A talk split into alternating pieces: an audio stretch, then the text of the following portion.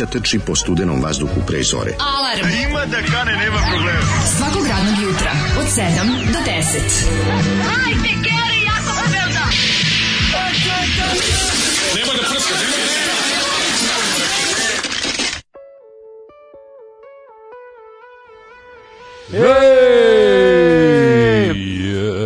kaže da januar nema svoj kraj, 29. januar, još malo. Dva, ja po ovome poslednje januarsko uključenje, pa da. nikada više neće biti januar 2021. Nikad nikada, više. Nikada. A šta smo rekli, Milo. nikada nije znači, bilo... Šta, to je biseru vantelantalinte, tantalinte, da 21. i 20, u 21 i 21 je bio 21. dan, 21. novembra se ispeo, otpeo im pa recimo teo sam ti pesmu, pošto nikad više, to je Bisereva talenta, Tantalintilinić, nju, ona ima, mhm. znaš kako, ona, ona ima jako glas onako. Ma dobro, Bisera, to je Bisera. Njena pesma. Bisera mi trešnje iznijela. Stari Beograđani kad čuju ovo i mhm. pogotovo, pogotovo ovaj, Mlade dobre Beograđani. mačkice, dobre, dobre mačkice od recimo 20 do 60 godina njima je to najbolja pesma. Dobar, lep, najviše volim Mlada dama. Nama Mlada dama voli. Od 18 do 23. Kako je to meni pesma, e čoj. Najbolja mi je ona, ona kad mi istekne vreme, ja ću te uzmem da me... Pa dobro, to je Adeliza malo. Da, to je Adeliza mi renesansa. Adeliza mi renesansa, kako mm. mi je ono... Znaš, kad se negde pojavi tako na tim ono biznis beogradskim staklena zgrada događajima, no. pa da. onda ona tu peva, a svi kao, kakva pesma. Kako montira. Ju, kako je. Ovo je prelepa pesma.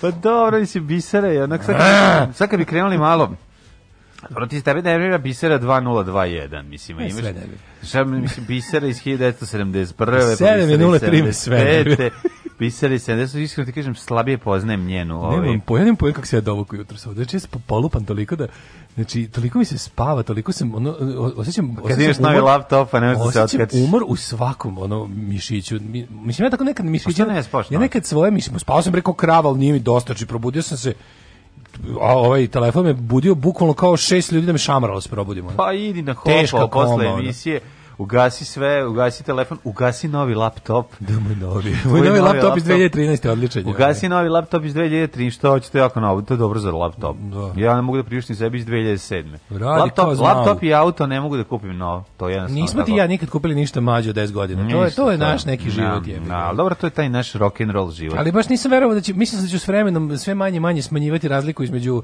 artiklovog izlaska iz prodavnice i dolaska do mene. Međutim sad sam počeo i laptopove da kupujem stare 10 godina. Da li voliš sa saradnju Darkwood Dava i Biser Belen. Pa kako ne, pa dakle, to mi je, to mi je spoj staklino, staklene zgrade beogradske i, i ove, kako se zove, i beogradske alternative. Ove, mislim, šta, je, šta može biti, šta je bolje od ta dva? Pa Jarboli, verovatno. Pa, i to je to. Jarboli ispod, ono. ispod stola ono. Znači pa kako ne bi volao, pa to je odmah ono dete upisuje na sport. Ja bi volao. Upisujem dete na sportić odmah.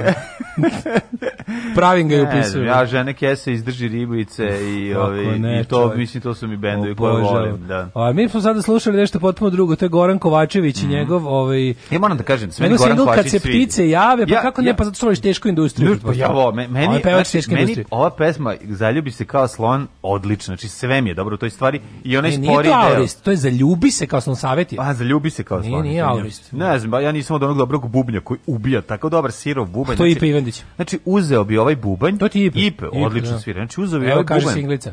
Uzeo bi ovaj bubanj i napravio bi sebi copy-paste ovaj sound da imam za, za moj rock and roll Znači, dopadaju ti se ove odličan. Zolijevi izbori. Kao Zoje, Zolijevi izbori, meni odličan. Goran, zaljubi se ko slon, mislim, odličan rock, odličan, malo blu, bluzast, da. onako. Ima i bluz, ima bluzon, što bi rekli. Ima taj bluz moment koji razlači, to je super, zašto su dvukli od četiri minuta, inače sa samom temom zaljubi se ko slon ne bi uspeli da dotraju da više od 2.50, a ovako su u vremenu 78. kada se još kod nas vukla pro progresiva, te ovaj još se nije poznao. Ma da ima i kažem ti ima svega tu, ima tu i panka, ima tu i i slejda, ima tu i diva, pa ima malo u ritmu. A nije taj tu tu dešni, to je rock ovaj, and roll. Nije to stiglo do tada, to je jako rano, to je 77. Ne znam kako ti objasnim. Pa na, na osećaju se na dolazi, će do, do, dolazak teško, nečeg novog. Teško industriji. Pa ne, ima, ovo ima dobra stvar bre. Ova stvar je ono dobar je ritam. Kako se zove drugi bend e, Čist zrak? čita kao bilo suprotno teška industrija. Da, da, da, da. Ah, kaže, evo mlađi, još dalje pljušte pohvale za Miru Furlan e, hvala, u, u državnom drago, poslu. Drago mi da vam se dopala epizoda. Kaže, bio sam deo tima koji radi online prijeve za Exit Festival, imam podatke sa adresama i brojevima ličnih karti i brojeva računa, oni koji su plaćali karticom. Sve posetioci Exita od 2003. do 2011 adrese, brojevi telefona, sve, sve, sve. Eto ono, apropo privatnosti. Da. da. Ove, uh, pa onda ovako, kaže, pa ova pesma je baš loša i ovo nismo zaslužili. Nije, nije, e, dobro. Ja kontam da taj vaš Zoli ne postoji. To ste sigurno vas dvojice prodali dru, dušu nečastivom za ovu emisiju, pa ovaj dolazi po svoje svakog rada od jutra u 06.57 da pusti nešto po svom izboru. Gde nečastivi, mi smo baš časti. Samo kad kažem, kad smo kod čašćenja, hvala na, dobili smo alate, Daško, i ja za končno imamo alate. Končno imamo alate, kako alate pa da sad mogu da Magrem, ono, znači, dobili Jeste. smo... Firma Magrem, ne lomite mi Magremlje. Magremlje, hvala vam Juče puno. proceta Magrem Beli, drug Dujke, da. nas je ovaj, pošastio. Bravo. Odličan ali ozbiljno dobar alat. Kako smo dobili dobar alat, znači ja sad konačno sam muškarac. Da. Ja bez alata nisam bio muškarac. Ma sam zanat, ali ja pa was, I was alatless. A da, ali sad kad imamo alat... Dobro, kad staviš ovaj, ovo futrolo kao pravi majstor... Novi čekić, nikad nisam prilike da razbijem novim čekićem. Šta da će se potpuno oduševiš? Nova nisi kleš, nisi ni otvorio. svik cange. Pa dobro, to sve to je odlično, nego kad budeš video ovaj, pa alat za roštilj. Alat za roštilj. Alat za roštilj je, je jako dobar. Alat za znači, roštilj je nepoznat znači, da budeš, za roštilj. Znači, ako budeš išao negde neki roštilj, ti se tamo stavi, vidiš, opašeš to, staviš na, da na kajš. alatom Stavit ćeš tu alatku na kajš, približit ćeš se roštilju i kao John Wayne ćeš da izvadiš pištolj, mm -hmm. ovaj, alat za roštilj i da vidiš ko, ko, znaš, koji to će biti, ne mislim da će masa samo, da uradi kad vidi kako spravo, kako kako spravo da latava. Neka udahnu, samo da neka neka ne izdahnu. Od će se ti Beograda novosadistička mačkaro. e, joj. Kaže, ovaj e, mlađo gde je baba, neću dočekati večeras da vidim. Šta, šta, šta? Ne, gde je baba? Aha, u epizodi državnog posla, da. polako vidjet ćete, nije strašno ništa. Evo ženje danas Glory. Holy hooks. Časne verige. Časne verige, Holy Hooks, čestitamo your gro, happy glory. Happy lucky glory, glory lucky glory. Lucky glory. Lucky glory. E, dobro jutro, zaljubite se, bićete nesretni kao Zoli. Srećan petak svima koji slave. Mhm. Mm Mi je e, žao. Kad, kada časne verige padnu direkt na petak, otvara se jedan portal potpuno vremenski novi, portal do, do svinjetine da, i sad će do svinjetine u zemlju svinjetine ženja da nas pogodi Đorđem Balaševićem i Crvenom jabukom i ne znam još čime. Svečari danas su kamioniti. Danas su svečari. Jedan od najljepših, najzanimljivijih pravaca muzike blues, tako lak za zloupotrebiti i odtalentovati. Mm Ja da, da je za to da. baš poseban talent. Za blues, e, znate šta je problem? Kod bluza je problem što kad je ne može da se nauči dobro. Teško se uči bluz. Znači, to jednostavno imaš u svojoj ruci i može da se nauči, opet da kažem, nije da ne, ne, ali osjeća se kad je genuine. To je jako, da, da, da to je kod bluza dosta, dosta, dosta zezno. To je. I onda nastanu svi oni 786 miliona pokušaja da se bude da bude bluz i onda to onako male čizi. Jo, ja, pusti, nek, šta A kad čovjek koji se rodio u blatu Memfisa izađe iz Misisipija i kaže svojom jednom rukom koja u jednoj ruci drži soma i od somovih brkova napravi gitaru i zasvira i zapeva svoj težak život, e to je bluz. Jeste. Kada je čovjek kad John Jumbo John Jumbo John Jumbo za iz de, Swamp Delta Mississippi Ako Blues. Ako što pobegao ta ćale talko sa koji ga je tukao. Znaš šta, znaš kako on umro? Mhm, kako? Prodao je svoju mašinu za dijalizu da kupi drogu. I ne znaju da li od droge ili od toga što nije imao dijalizu. Šta će se desiti? Uzeti za dijalizu od Mozarta. Može. Može. Slušamo da. Alice Coopera našeg Mozarta. 2021. godine. Te, uh, heavy Rotation. Our love will change the world.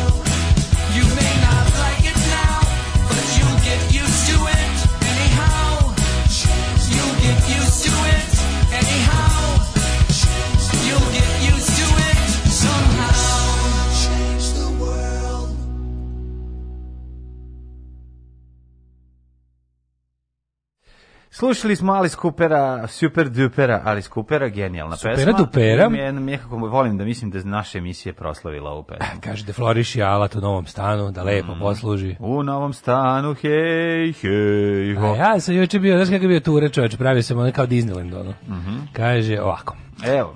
Ove, um, neka bude deflorisan u novom stavu da lepo posluži, da se zahvalim Daško jer me doveo u mesto gde nastaje magija. Mm -hmm. studio. Toliko sam bio pod utiskom da se nisam čak ni slika u studiju, pa mi sad niko ne veruje da sam bio tu. U kom studiju? Probajte kajsiju iz frižidera, dobro jutro, je, da imamo dobru rakiju, smo dobili za alat. Mislim, je bez šalat bez rakije. Kako je to majstor, mislim, pa postoji majstor bez alata, ali ne postoji majstor bez rakije. A ne može, zašto moram da smirim ruku? A mora da smirim ruku, dobro smirim neko da on kajsiju, garant miriši dobro, nisam teo da je isto nisam teo da je ali... No, ako, miriši kao, ako miriši kao pekmez, namazaćemo je na hleb. Jeste, i makaćemo rakije u leba i ješćemo i umrećemo od alkohola. Ne, na makaćemo. Znaš da kako alkohol se dobije brže udarilo? Dobije brže udarilo, ovaj. najbrže udar ako na tampon staviš pa gurneš u dupu. To sam, nažalost, joj. Joj.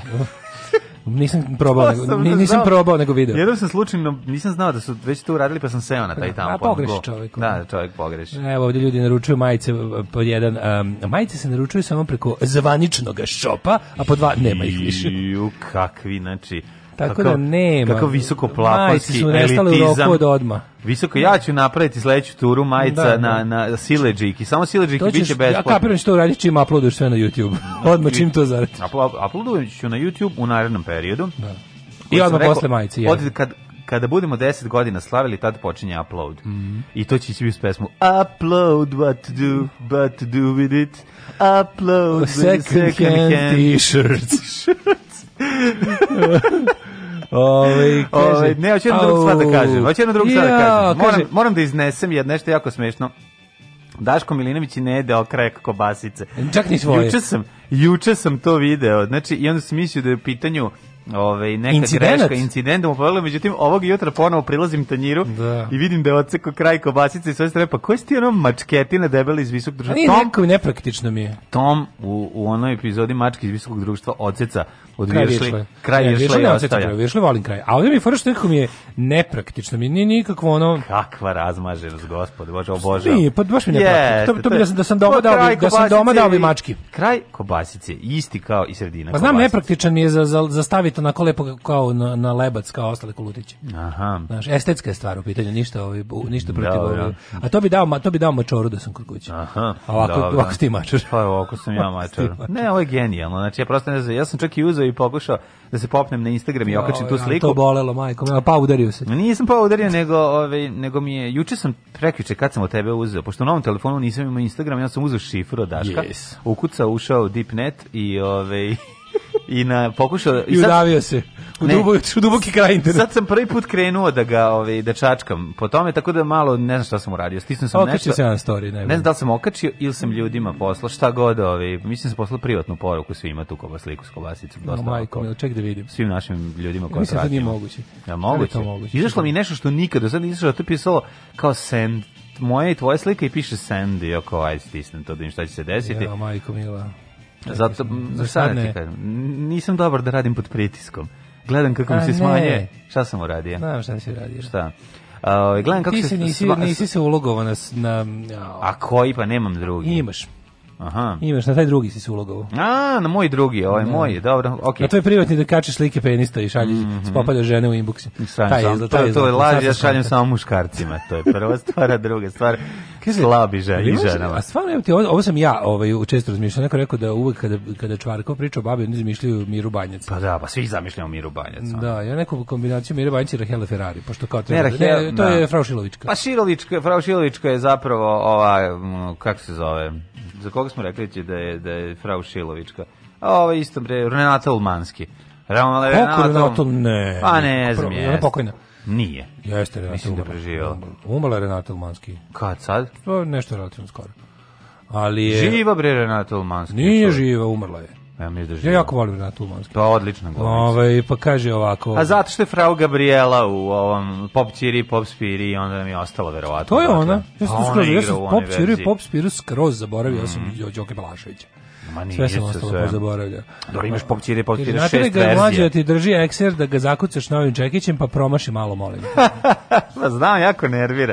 Kad vidiš to baš je onako, ali dobro, mislim, slatko, eto, uvijek jedna tema još za razglabati šta vam je gadno da pojedete. Nije da li, mi gadno da pojedete. Da li oblik hrane ovaj, nije, mi gadno da utiče na to, iako znate, kobasica, kobasica, i od početka do kraja ista, mm pošto su mjesile to ruke daleta i kako se zove, ti bi pomoći. Zlaja, Zlaja, nisam bio, ovaj put nisam bio, ovaj put sam bio ja The Master, Zlaja a. bio samo, Zlaja bio The, the, the Slayer. A, Zlaja, Zlaja The Slayer. The Slayer. the Slayer. Ove godine, kažem ti, full, ovaj, ja, ja, da čekam kulenje. Odlično. Pa, kaže I Ja isto, baš me zanima, iskreno ti kažem, mm -hmm. jako me mhm. zanima ta kombinacija sa sa rumom. ja sam odlučio da to ja sam odlučio da to nazovem ovaj rusinski kulen. Mm, da, može. Zato što on mislim znaš da oni kontrolišu svet. ne u redu je da to radiš. Onda sam odlučio da se uvlačim. A pa zaštiti da se zove rusinski rusinski kulen, da. Tako je. Ruška Jakić Fraušilovićka čoveče. Joj nemojte majko da. moja.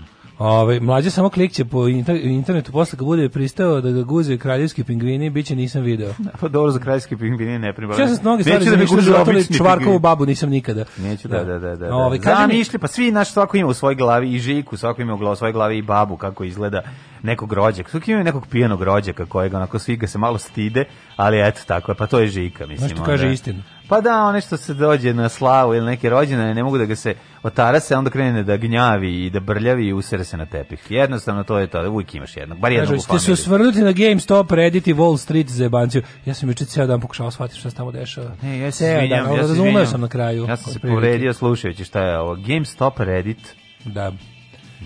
Ne, ja, to nekad nova stvara do doktora Albana. joj, ne znam da li dva put pričam, ali da, da Games, baš stvarno da, da, da, da. baš Teški doktor Albana. Hello Africa, pa, tell me what you doing.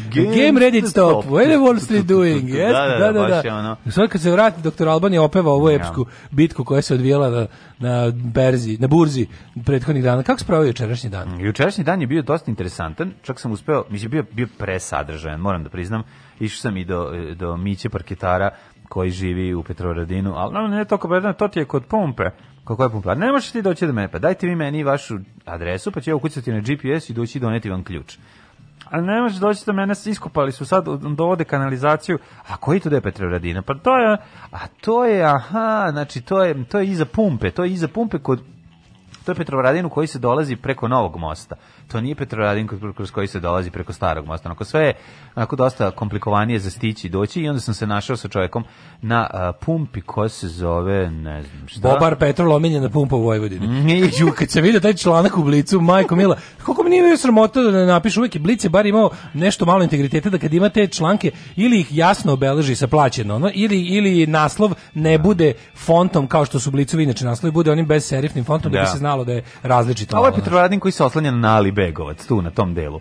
Ovaj taj deo. Ona pumpa na da izlasku iz e, da. to je Nisova pumpa. Ona. Ne, ne, nije, nije Nisova. Zove ovaj ima vosa za samo petrol.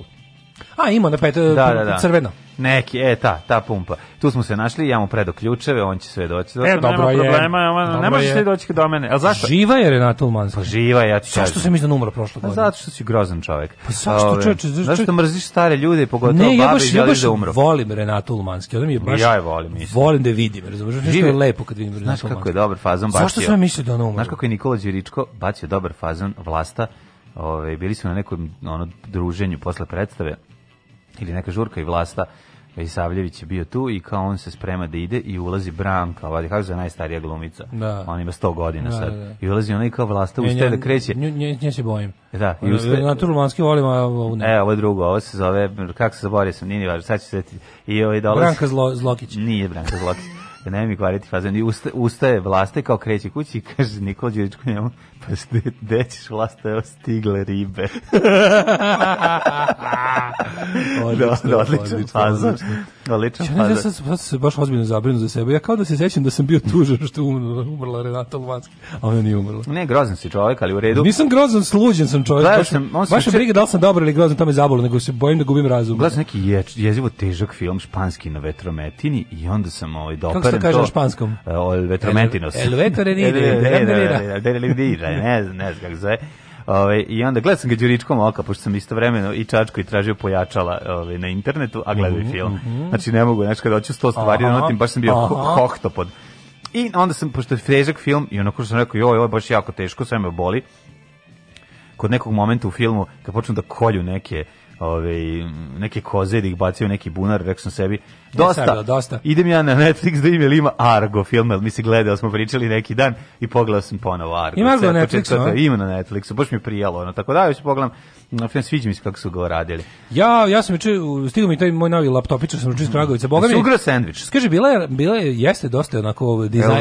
Dizajn dizajnom je baš greč sendvič. Ja što te da kažem, ti ali to da super... da odneseš gore, ne moraš kad gukališ, ne moraš ništa da pla, pališ norveške radijatore. Ne, ne, ovaj dobar ni ne greje se. Baš je dobar. Mislim Fatima ga je dobro čuvala. A otko znaš da je Fatima? A zato su piše, no, znači kad okreneš tamo da je deo da je baterija piše Fatima M. Znači jako je dobro. I švicarske je ovaj kaže kaže Šumadinac što mi je prodao laptop, kaže ja to nabavljam iz Švajcarske. I dobro je čovjek, mislim kažem ti, ono baš je old school i dizajn, ono onako budsko je, znaš. A se vidi Fatimine suze. E, ne vidi se Fatima Suza lepo ga blankovala, lepo ga formatirala. Nadam se da je stigla tu da nije plakala za njime. Pa nije plakala da, no, sigurno, ne ver. Pa zato što oni menjaju račune, nisu oni ko mi. To mi mislimo, ja vidi budala prodao auto iz 2005. Kako ti kažem, pa mislim da oni oni oni ne ja, voze auto ceo Ja znam kako sam ja ostao bez laptopa, pa pomislim da tako svi ljudi ostaju bez laptopa. E ti si ostao bez pa da. laptopa zato što su Moj nije ovaj- prodat na Nelonu, moj dalje ono stoji u bi da mu drnde pokušavaju da, da izvade planove za rušenje Vučića iz njega.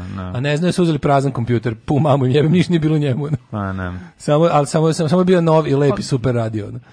Čekaj, izvinite, a šta je tebi sa drugim laptopom? Kojim drugim ovaj? ima a, a ima sam ja, kup, ja sam onda uzeo od našeg jednog slušalca. Ti nisi dobio na poklon. Nisam dobio na poklon, kupio sam ga. Ali, čekaj, čekaj, ne to, ne, ne laptop, nego neki, ovi, neki Apple uređaj si dobio. To je, ne, to, to isto ukradeno. Stvarno? To, to isto ukradio, da. znači, te, tebi su ukrali ne, dva ne, laptopa. Ne, ne, to sam, to sam prosledio i onda je, ovaj, kako se zove, bio ukraden tamo gde sam ga prosledio. Da, A, u, jednom, jednom si... lepom beogradskom ateljevu kojeg su obili obu i odnali sve iz njega. Oh my god. Tako da, šta ti kažemo, ovaj, kad nešto, kad ja dotaknem, ja ubacim nesreću u sve, ovaj što pipnem.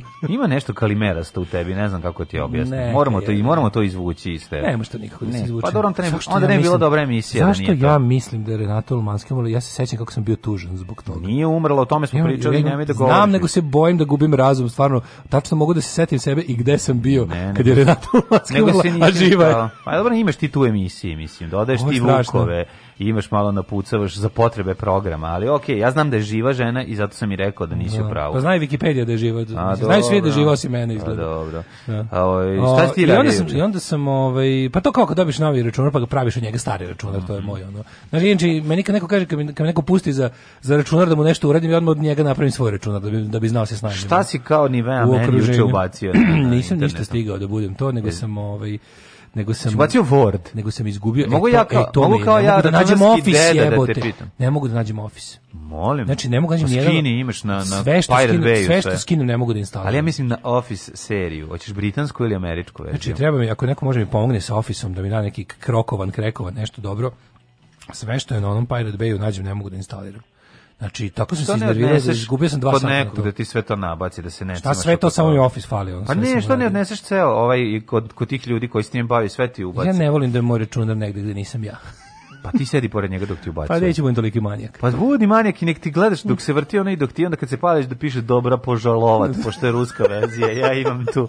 Ne, kad se pali, piše dobra požalovat i ono ide nešto bružnji, vi ste ono u u sukobu interesa jer ste ovo da, da, uzeli. Da, hvala vam što ste. Ali super što ne piše nikad u krsi. FSB, na, FSB nego, vam je na vratima, vi, sarađujete sa Navaljem. Ne piše, vi ste izmanipulisani otprilike. Znaš, oni ne smiju da, da napišu. Da, uvek se od toga da te kao da, neko da, zajebo, a ne da, da si ti taj koji zajebava.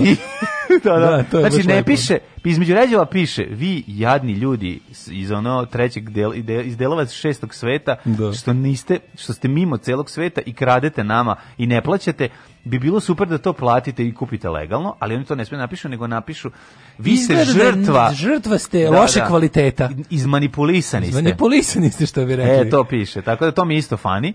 I onda ove, imam problem ja sad, ali ja sam kupio isto novi računar, eto to nisam ni pri, pričao. Je. Ali još ga nisam spremao ga za, za u novom stanu, u novom stanu. Novi okay. prodavnice?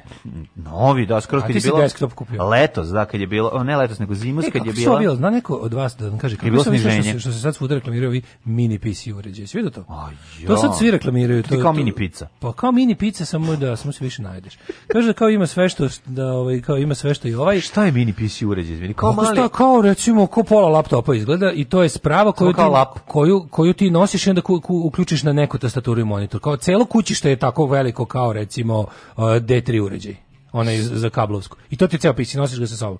Ali moraš negde da imaš monitor i tastaturu. A pa to je baš loše. To je desktop računar. Nije to je baš super jebote. To je baš super, ako negde imaš, to ti računaj pa možda mali na... monitor i mala tastatura, pa sve to zajedno, pa to se zove laptop. Pa laptop, ali ovo je bukvalno kao nosiš malu kućicu veličine D3 uređaja. I svuda to ima i ima i ima i Mac, ima i PC. I onda je fora da s time kao furaš da hoćeš i izgleda baš jako dobro. Sve kako kako su performanse. Ima ona SSD hard disk brz i šta je znamo, no. Trebalo bi da je, ne znam, nema pojma. Nema, nema one DVD-ovi ostalo kao to izbačeno. SSD nema, je li tako? Nema SSD, ima SSD i tako. Da, da, da. Dobio sam novu službu. Čuvat ću šumu. Postaću lugar. Alarm svakog radnog jutra od 7 do 10.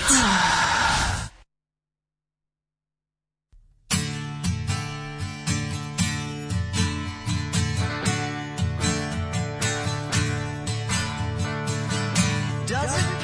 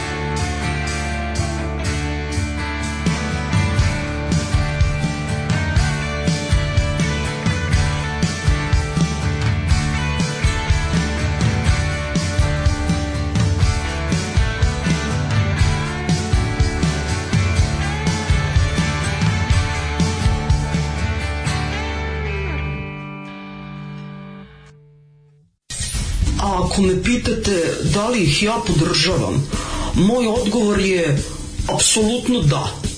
Da, podržavam ih i mislim da je jako, jako važno e, da ih svi podržimo.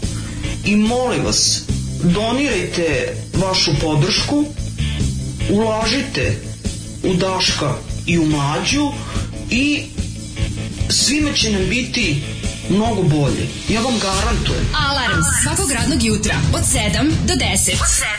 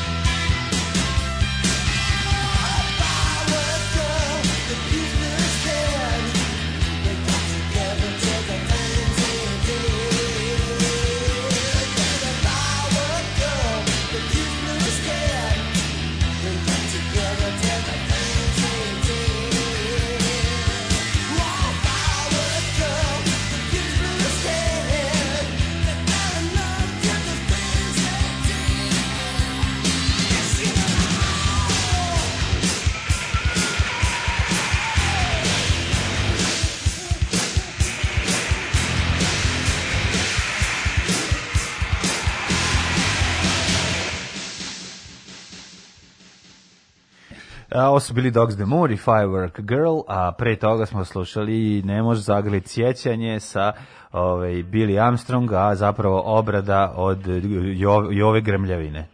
Da, Johnny Atanders, mm -hmm. ja ne mogu probudim, ja šta mi danas. Ništa, lagana samo. Pa zato što ne jedeš šivicu kobasice, kad bi pojeo okraj kobasice puno bi se bilo. Da Zabodim nosom ovde o astalo, no. Budi Andrej. Kaže da na računar se prvo instalira Total Commander i vinem tako je, prvo prvo vinem Total Commander, a onda tim viewer da možeš roditeljima da kad nešto izađe, ne znaju šta hoće, mm -hmm. da im objasniš, ne. Dobro, tim viewer. Tim viewer, da. Tim viewer je dosta dobra stvar. Mislim, nam mi smo rešavali neke stvari na daljinu, tim tako. Tim super, da. Sećaš kad nam je neko neko to nam bio, to sam prvi ni da To smo bili, evo ga, duh nam je ušao u računa. Ušao je duh, mlađe stoji, gleda, ne može da veruje, pomere se kursor, niko ne dira. Da, da, da vidite, da. to izašao napolje, istraču. koliko ljudi koji su gledali ulazak voza u stanicu? Skočio sam kroz prozor. Znači, mlađe kad vidio se kurtor, kursor pomere i da neko kuca u notepadu nešto, kaže, šta je ovo, Daško? Ajme mene, popio rakiju, skočio kroz prozor, slomio noge. Ne, krenuo znači, televizor, mi se upadilo, krenuo ja da šušti, upalim ja TV i našu mlađu unutra. Ušu televizor. ja rekao, gde si nestao mlađe, upalim TV on unutra. Zato Kaže, zove ono nisko nisku babu da je me izvadi odavde. Da me izvadi baba nisku. Pa zato što baba može se zvuči u televizor. Ne može niko drugi. A ne, zovi babu da donese stabilizator napona da mogu da me izvuku od poltergeista.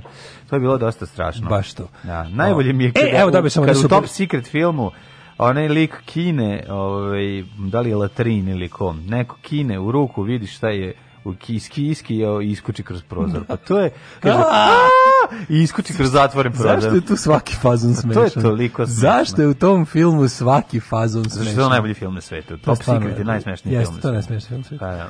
Apsolutno. Ove, uh, e, da, da mi se super ovde, što, što volim naše bre, ove čoveče pametnjakoviće, sad ću da rešiti svoj office problem. Sve Kako se ti šta? Pa do, u, dobio sam office. Dobio sam kancelariju. Ne, nego dobio sam tu razne varijante kako da uzmem taj sa on imali jeftinu licencu, možda sad mogu mogu nabaviti.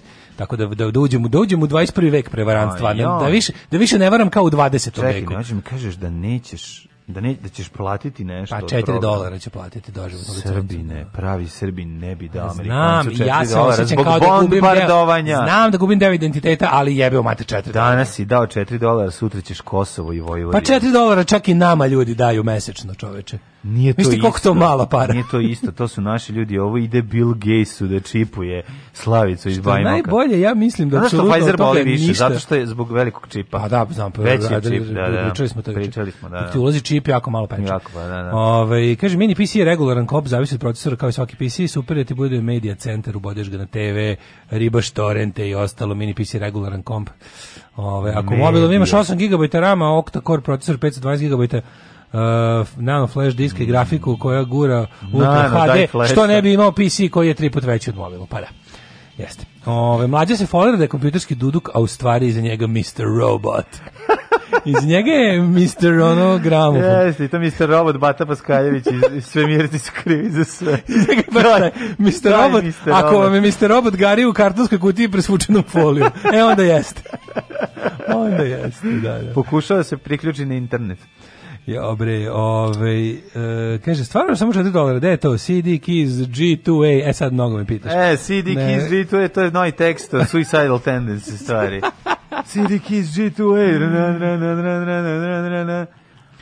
E, joj, kaže, kad smo kod novog kompa pre nove godine dobili 20% popusta, kupim od Gigatrona zver desktopa, već nastavak Wolfensteina odigrao. Kao malo dite srećan. Bolje od seksa kevemi. E. Nikad, nikad nisam imao tako taj, taj gamerski kompjuter. Ja sam taj sad uzeo. Ja sam sad taj uzeo moću sve igrice. Koliko ti puko par za to? Pa jo. Sam dao 1000 evra za kompjuter. A, do, ne, sve. A to je gamerski. A pa ne, pa i ovaj gamerska konzola, gamerski, tako se da. zove.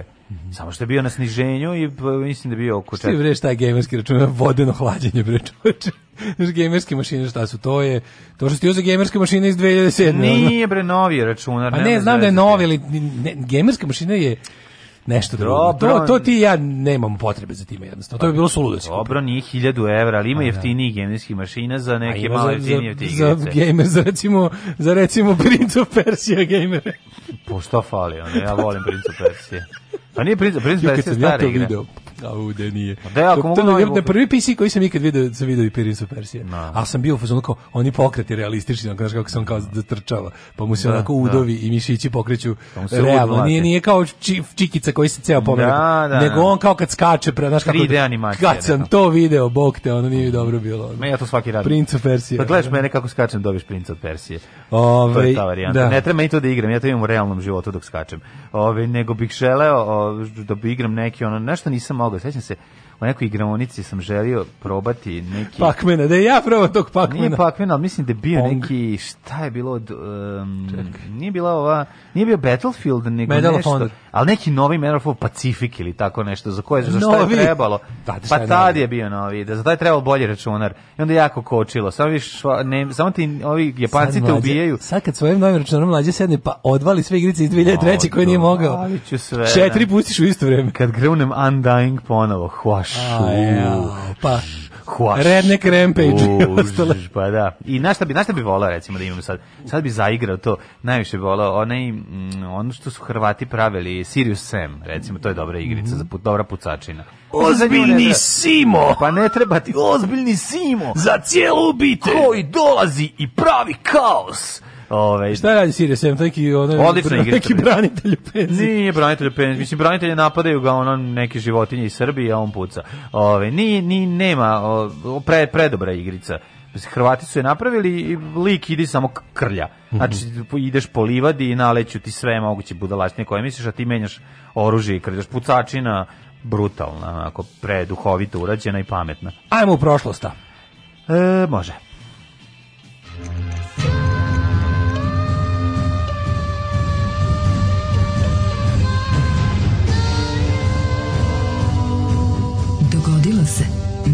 imaginar.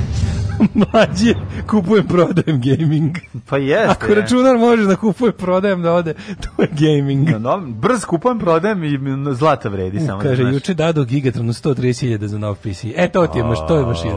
Kaže ti, vodeno hlađenje, prijatelju, ko Maksim i tralje. Pa znam, ali ono, ko, prva farba, misli, ko je bio prvi vlasnik? Jesi ti prvi vlasnik? Pa otprije ne znam, ni ja više. Ono, da sam, oh, baba, ga samo, baba samo igrala. Baba igrala na groblju, dedi. baba igrala samo Prince of Persia. Nov potpuno. Ono. Da. Uzeo sam najnoviji mi sedo. Naš kakav je, e, od, Oto Šandraš mi prodao. Ajde mlađi, dođi da igram Battlefield 42 online, bez Daška tepamo švabe u El Alameinu. Može, može, ja. može, da, volim Battlefield 42, voleo sam da, najviše sam voleo iskočiti iz aviona i upast direkt u tank. Znači to kad napravim sebi tu kombinaciju, pa to, znači, niko srećniji od mene. Izrokaju mu avionu, a ja iskočim padobranom i ciljem tačno da upadnem u tank. Pa to je lepota jedna. Jedna lepota. I onda su prestali da pucam, samo sam iskakao iz aviona u tank. To mi je bila ona ceo, celodnevna igra. Najbolje, znaš što je bilo najsmešnije? Kad smo igrali, kad smo igrali sa... Mladi smo bili, mladi smo, mladi smo i počeli smo da igramo Wolfenstein i ne ne Wolfenstein nego Battlefield smo igrali sećam se i da. nikad neću zaboraviti sve nekad su jednom kao i devojke krenu otkrenule s nama da igraju kao će i one jedan put ja, da, da idu da, jednom, da. da idu vide gde mi gde mi idemo znači to je najbolje bilo Jedna od njih, koju ovom prilikom pozdravljam, ako nas sluša, je, sam primetio kako na plaži stoji sa tenkom sve vreme. I onda sam na kraju došao da pitam šta si ti radila kao, pa malo sam se vozila po plaži. Pa, pa to je najbolje pa na da. svijetu. Pa, pa to je super, znači, pa si divata, kad bi se žene sve pitali, ne bi ni rata bilo. Jo, to je, ju, sad Kako bi obila Neš jebat, neš jebat, ne vredi. Dobro će, žene su bolji deo čovečanstva, to uvijek pali. To uvijek, to je najbolje, to treba uvijek. To ja u kafani prilazim curom, sve kažem, Da ali ali ne pitaju. Da se žene pitaju, pa ne. Ne bi nikad bilo. Vi da, žene. Da, I sve žene ostane i ode. Da. ti ostaneš sam. Da. A ti ostaneš sam. A ne, ali to je genijalno, razumiješ? Pa ti neko, da neko ono kao ne, pa se vozim se kao tenkom po plaži, pa šta, šta, šta, šta ti bolje od toga, znači nema pucnjave, a mi gore ginemo, da skinemo haljinu što šušti, pravimo haos na nebu i uskačemo iz aviona direkt u tank. Što su i mogli samo Rusi da rade, Amerikanci nisu mogli. Ja sam imao igricu gde možeš da variš pod vodom. Rusi variš ruskog vojnika. Da, da, da. Ja imam igricu kad dođe Rusi i ono kupi, najlo, kupi litru vodke u najlon kesi i podeli sa druga tri Rusa. Znaš kakva super igrica ispred radnje se zove igrica. E, na dan 29. januara desile se su sledeće stvari. Mm -hmm. Znači ti kažem da je za novu godinu. Može? Može. Kaži. Pa mo, mogu neki gaming dokument, sad si me pa, naložio. Ne, ne, šta bi Nađe neki gaming. Koja se igraš se naložio, imaš Wolfenstein ekipu svako večer. Ne, ne, razmišljam koje sam igrice ostao željen u životu zbog loše kompjutera. Pa svake. Pa dobro, skoro svaki. svaki priznaje ona. Skoro svaki, ali recimo sad to kažem, sad bi sa današnjim svojim računarom mogao, ne ti sad ceo život Kalimero. Sada što? Pa zato što uvijek je skoro ono i uvijek falim zamišljam ti ono jaje I ona kako Zamisliš mi jaje? Pa ona tvoje jaje. Pa onako vruće pa na da. mom čelu.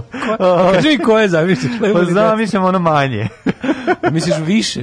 Ono više. Uvijek da, je da, jedno da, jaje malo više. Ne, nego da imaš ono, onu ljusku na glavi i da, ono, mhm. da kažeš ono, ovo je nepravda, to si pa ti da. meni, znači u glavi. Svi drugi imaju sve, a ti povraćaš od zavisti. Pesma od... Onaj mali vozi, ono, himna mog života, boli me nepravda. Himna mog života je Dead Milkman, everybody's got nice stuff but me. to pa to si ti. 904. počinje moja... Mislim, nisam ja daleko isto od toga, ali ja to nisam ni želeo. U tome moja... Pa tajna je ne želeti. Moja prednost. Što manje želiš, manje patiš. Ja to je prednost moje zaostalosti. Što ti... manje želiš, manje patiš. Da, da imao sam ja trenutak kad je Charlie donio samo joystick a ne i kompjuter. Pa to ima isto. A, to je baš tuga. Pa to, je baš, to, to nije u redu, to je baš, to baš to sranda bilo. Ali on nije znao, jer mislio da je igrica. Ne, nego smo mi imali sad. Nije, nego nije imao. imao on je mislio da je to igrica. Ne, nije, traži, pre, pre, pre prokušali su da prešvrcaju preko grane, pa da a, sad, pa, pa Sarinik je našao konzolu, a nije da, joystick. Da, da, za joystick nije teo, ali kompjuter su e, ono tražili e, puno para. Oh. Prenese. E, 904. izabrao je Sergije treći za papu je počeo period takozvane pornokratije pornokratija. 1412. Mm -hmm. U Novom Brdu izdat Zakon o rudnicima 10 puta Stefana. Jeste. Koji sadrži dragocene podatke o načinu života srpskog naroda na početku 15. stoljeća, zakonik značajan dokument srpske pismenosti i srpskog pravnog sistema u srednjem veku. Novo Brdo bilo ozbiljna rudarski centar. Šta, Novo Brdo ti bio Beograd na vodi. Znači, mm -hmm. to je bilo ono, toliko ozbiljno ovaj da se da čak dugo vremena i odolevao turskim napadima što pa ne da li odolevao nego oni su nešto trgovali dobro ja mislim da to je pa, bila pa, varijanta pa, pa, da, da, zato što su tu dolazili rudari iz cele Evrope pa, dolazili brega strbajteri sa zapada da kopaju jeste kod nas sasi. su dolazili sasi dolazili da da, da. da. i sasa Novi Karlovac mm -hmm. 1635 osnovna francuska akademija mm -hmm jedna od najčuvanijih u Evropi, akademija osnovu kardinala Richelieu, mhm. ministar kralja Luja 13. 1676. Fjodor III. postao car Rusije. 1814. Francuska porazila Rusiju i Prusku u bici kod Brijena. Da, pa ti to, da, znači Francuska i dalje uspevala i 1814. uspevala nešto da se da ove um, razvaljuje, ali to je već bio pa, sve do Waterpola. 1845. Da. Gavran, poema Edgar Allan Poe, objavljena u New York Evening Mirroru. Sad ću e, to znači izašlo. Sad ću to je znači izašlo u novinama, vidiš, što je da. tako. Objavno. Sad ću Gavrana da ti izrecitujem celo. Gra, gra, gra. Ba. Ba. Ba. Nikad više. Milo moje. Nikad više. Milo Nećeš to raditi, ja, ako se ja budem pitao. 1850. Henry Clay predstavio Američkom kongresu kompromis iz 1850. Koliko je gavran cool ptica. Koliko ovo genijem što sad pročito. Da. Henry, 1850. Henry Clay predstavio Američkom kongresu kompromis iz 1850. Mm -hmm. Uh, 56. dodaljen prvi Viktorin križ priznavši junačka dijela tijekom Krimskog rata. A ja rekao, junačka dijela Snežana Mišković Viktorije. Mm -hmm. I njeno au kao barakuda usklika. I njenog hita deda legne, deda mm, prenoći. Deda legne, deda prenoći, a na tebe ne misli. Zato što deda se nikad. Zato što se deda, deda čim razbaca po krevetu i ne misli. Čim se uvali ne misli više na tebe. Pa, da. 1861. Kansas primljen Uniju kao 34. američka savezna država. 1863. Američka vojska porazila Šošone u masakru da. na Medveđoj reci. Đubrad. Da. 1886. Karl Benz patentirao prvi uspešan automobil na benzin. Pa znaš si ti kakav je to bio car. Znači, više niko nije imao problem sa Bosch pumpom, jer ranije automobili uspešni dizeli su imali Bosch pumpu. Da. A ovaj kaže, a ja bi baš, baš pumpu da izbacim ako može. Ako bi baš pumpu da izbaciš, moramo ubaciti benzin. Napravite benzin. I tako je, ovaj, tako je nastao. On je prvo napravio auto, ali nije imao na čega da ide, pa su morali da izmisle benzin. Da. Tako je to išlo. 1889. austrugarski princ prestolonaslenik Rudolf, jedini sin Franca Jozefa I, mm -hmm. nađen mrtav s ljubavnicom Marijom Večerom, mm -hmm. večerom u dvorcu Majling kraj Biječa. Da, mislim da su ga utepali zato što je ovaj, bio malo, ne znam što se... Bio malo na svoju ruku. Pa da, to je bilo to ta previranja u obzorima pred njihov kraj je su bilo dosta interesantno. Lili u Kalani proglašena posljednjom vladarom i jedinom kraljicom Havaja. Bojli Ljukani, kraljice Havaja, kraljice Hrvata. 1896. Američki lekar Emil ovaj, Grab. Mm prvi put upotrebio te, terapiju zračenja u lečenju raka pluća, primenivši u Čikagono pacijentkinji Rose Lee. Pa moguće to u 19. veku. 1896, da skontao, da, da, da. Pa si to, to. Cepelini bombardovali Pariz 1916. Mm -hmm. I to kojim hitom? I to hitom... Hervey to Steven. Kašmir. Kašmir. 1933. Hindenburg imenom Hitlera za nemačkog kancelara. Mm -hmm. Iskoristit ćemo ih tako što ćemo ih kontrolisati. Naciste ne možete kontrolisati. Rekli. 1942. Peru i Bolivija potpisivanjem protokola Rio de Janeiro okačali rat. Mm -hmm. Počet 41. zbog sporne pogranične teritorije. Da, da, u području amazonske džungle, ali sporno pitanje nije rešeno. Ne, tamo se, znači, ko da mi otme iz moje duše džunglovo, da. je tamo traje, znaš, oni ne daju svoje. Ne daju, mislim, vikali su džungle srce Perua. Tako je. Džungla je srce, srce Perua. Administrativni prelaz, ne granica. Nikada ovdje Nikad neće biti granica. granica. Uvek administrativni prelaz. U Boliviji žive bolidi i ostalo, tako I, mislim. I ostali uvredljivi slogani koji su se furali u da, to. Da, da, da. Ovaj, o, 1942. potpisan ugovor Saveza SSSR Velike Britanije i Irana. To je da su oni rekli, ajte vi malo učerajte vaše. To meni potpuno, da nisam kod Indije video to kako je bilo, ja ne bih znao da je postala ta sovjetsko, anglo-sovjetska operacija preventivnog zauzimanja Irana da ga Nemci da, ne da, da, da. da to tako bilo ono baš, nis, mm. nisam znao da je to bila ja mislim da se on, uvijek smo učili da se kao zapadni saveznici sreli tek 40 četvrte, pete, gde već ono. Ne, ne. Međutim, oni učili smo i, da i da zapadni malo, i sovjetski. Učili smo da je umalo bilo i preventivnog napada na Sovjetski savez 40. Tako pre nego što su ovi ovaj, Njemci krenuli na Sovjetski savez. Bilo tu ideja različitih u, sa britanske strane, razumiješ, no, da, da se da. ono a, da čeči, se napadne Čečil stari, da se napadne stari, eklektični, da, eklektični govner da se na vreme napadne nemački saveznik Sovjetski savez, razumiješ, bilo je tu svega, ono. Da, da, da, da, da dobro je na kraju ispalo. Ne, ne, stari e, ovaj kako se zove Čečil stari eklektik koji fuzon kao, "O, pa da, ovaj, ali tu sam misao imao prošlog minuta, da, a ne ovog. Sad sam gorljivo za ovo i nikad ni zaboravite prethodno što sam. Kad sam ja pre 2006. pričao. Da, bukvalno.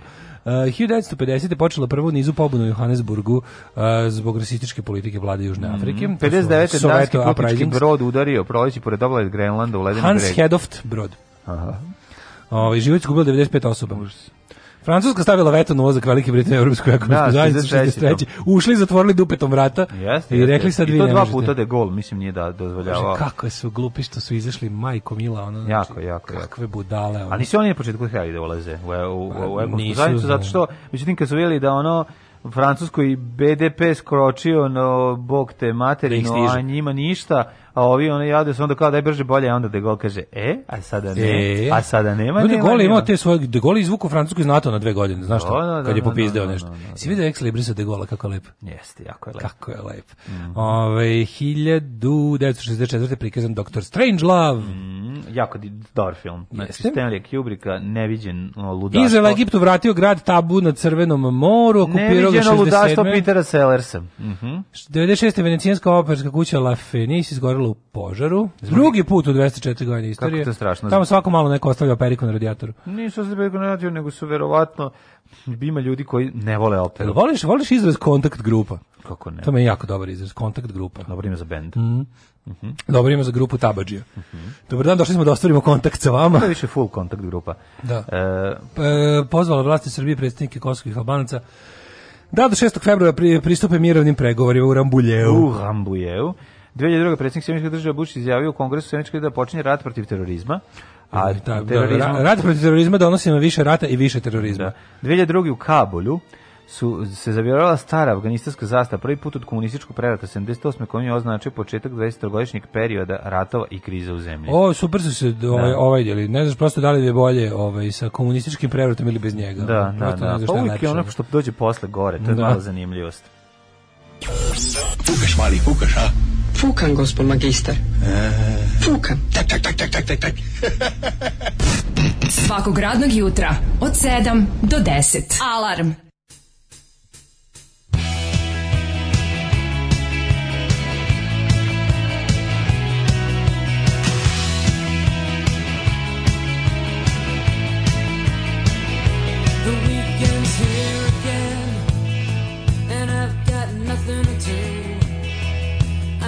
something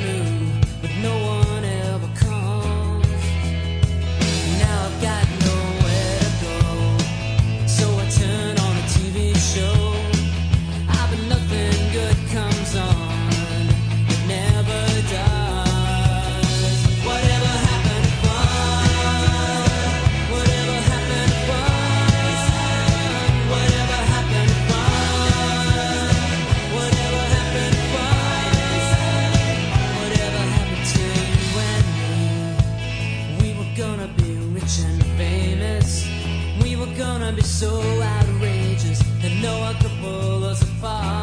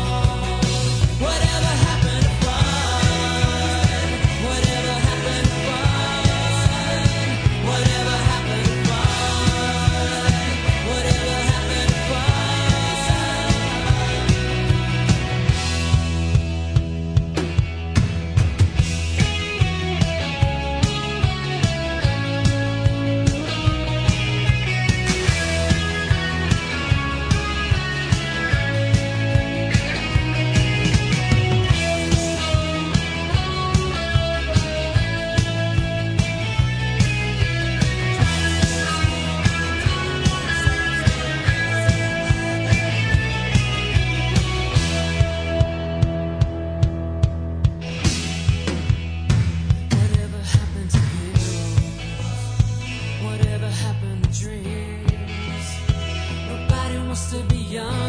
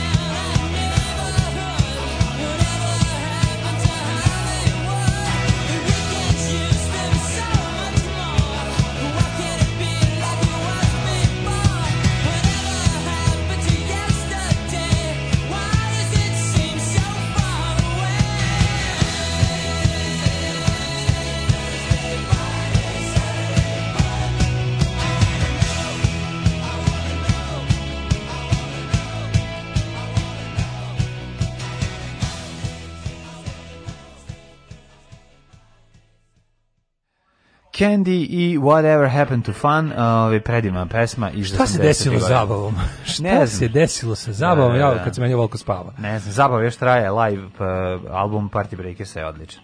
Tako da mislim da još traje negde, verovatno. Kucite u pauzi Retro Station. 14 e, i pogledajte, ali ozbiljno vam kažem paši za stolice, a mlađe možda i malo svršne. Šta je Retro Station? Evo, ne znam, mislim da tu garant neka Kucu. igrica, garant neka igrica sa ono sa ovim e, konzola sa igricama do 1983. ono. Mhm. Mm Otprilike. Ovaj mlađi heroj Windowsa 95. 98. Eto Gavran srknuo benzin, pitaju ljudi. Da. da. Eto Gavran preteče gorivo u mraku parkinga. Ono. Sanjao sam noćas da umesto nemanjenog spomenika spomenik Nikoli Tesli. Stoji na transformatoru i drži kuglu u ruci za koje se jeve munje. Iza njega stara železnička stanica pretvara u njegov muzej sa izloženim patentima. Ovaj, um, pa kaže ovako, teatar je La Fenice. Ali nema veze, nek ste vi nam živi i zdravi. Mm -hmm. Dobro, Nisam baš na boli. Ali lako ćemo za talijanski, što bi se reklo. Ove, ovaj, hoćemo da vidimo kome su da rođendani. Da, da ti italijani valjaju, oni bi pričali srpski, a i srce im je Fiat, a i sve im je Fiat. Nabijem ih, ja. Da, da, da. 1499. Rođena Katarina von Bora. Mm -hmm. Von Čorba. Njemačka reformatorka i supruga Martina Lutera. 1773. Mm, Što se nadišem, umreću. Friedrich Moss. Od Kate Moss pradeda. 1584. Nemački geolog i mineralog. 1688. Emanuel Swedenborg, znanstvenik, filozof, teolog i naravno mistik. Mistik, 1749. Da, da. Kristijan VII, danski i norveški ljekra. 1782. Daniel François Esprit Aubert, francuski kompozitor. Kompozitor. Mm -hmm. 1843. rođen William McKinley, američki političar i prešjednik. 1860. rođen je Anton Čehov, jedan od najboljih pisaca u svemiru, ruski pisac i dramaturg. Jeste. Ako da u... se čita Čehov, Tako njegov, je. recimo, Pa, pa onda onaj drugi. Pa onda onaj treći i svi ostali paviljoni. I, tako, znači, paviljoni, I ostali paviljoni, svih šest paviljona pročitajte. Paviljoni, da. ti, te njegove ujke tako i njegove, i tako. 1866. Da. Rođen je Romel Roland, čuveni kom, mhm. mm -hmm. kosmopolit, pacifist, Tolstoj, francuski. Spiše Roland. Roland, mhm, naravno. Mm, Roland, pojačao Dobio se. i Nobelovljevu nagradu za knjižavnost 1955. Sinoć, sinoć sam do kasno noći gledao Roland pojačala na kupujem prodajem. E Nedostaje nedostaje mi moj cube od 60 vati koji sam nekada prodao. Ne, za gitaru. Gitarsko Roland pa čuo, što nikad nisam. Ja imam Roland za bas, znaš kako. A pa to da, nikad nisam. Studio bas. Ja sam mislio da je to da sam ovo je, ovo je drugi, ovo je Roland, ovaj od 60 vati izuzetno dobar, lako ga preneti, a glasan u materinu. Da. Ove, ovaj, i izdrživ. I naravno čuveni jazz chorus koji košta kao Svetog Petra Kajgana ove, i preskup je, gotovo, a i neverovatan, ali ima i jedan jazz koruz od 50 vati. Ma, ja, ja, ja, bi, ja bi ti ovako rekao. Kaži. E, da slušaj mudrost moju veliku. Izvolite. Da ti, ti pomognemo životu. Izvolite. Nemaš da kupiš a baš ni jedan komad više muzičke opreme dok nemaš bend i ne sviraš. Neću više kupovati e, muzičku opremu, ima e, da dovoljno muzičke opreme, ali mogu da gledam. Možeš da gledaš, naravno. A, pa da, da, da, da. Ove, ali vidi, kao što smo utvrdili u prethodnom uključenju, želja stvara patnju. Nije, ne stvara, ma kakvi, samo treba gledati malo i uživati, šta ima već. Gledam šta ima novo.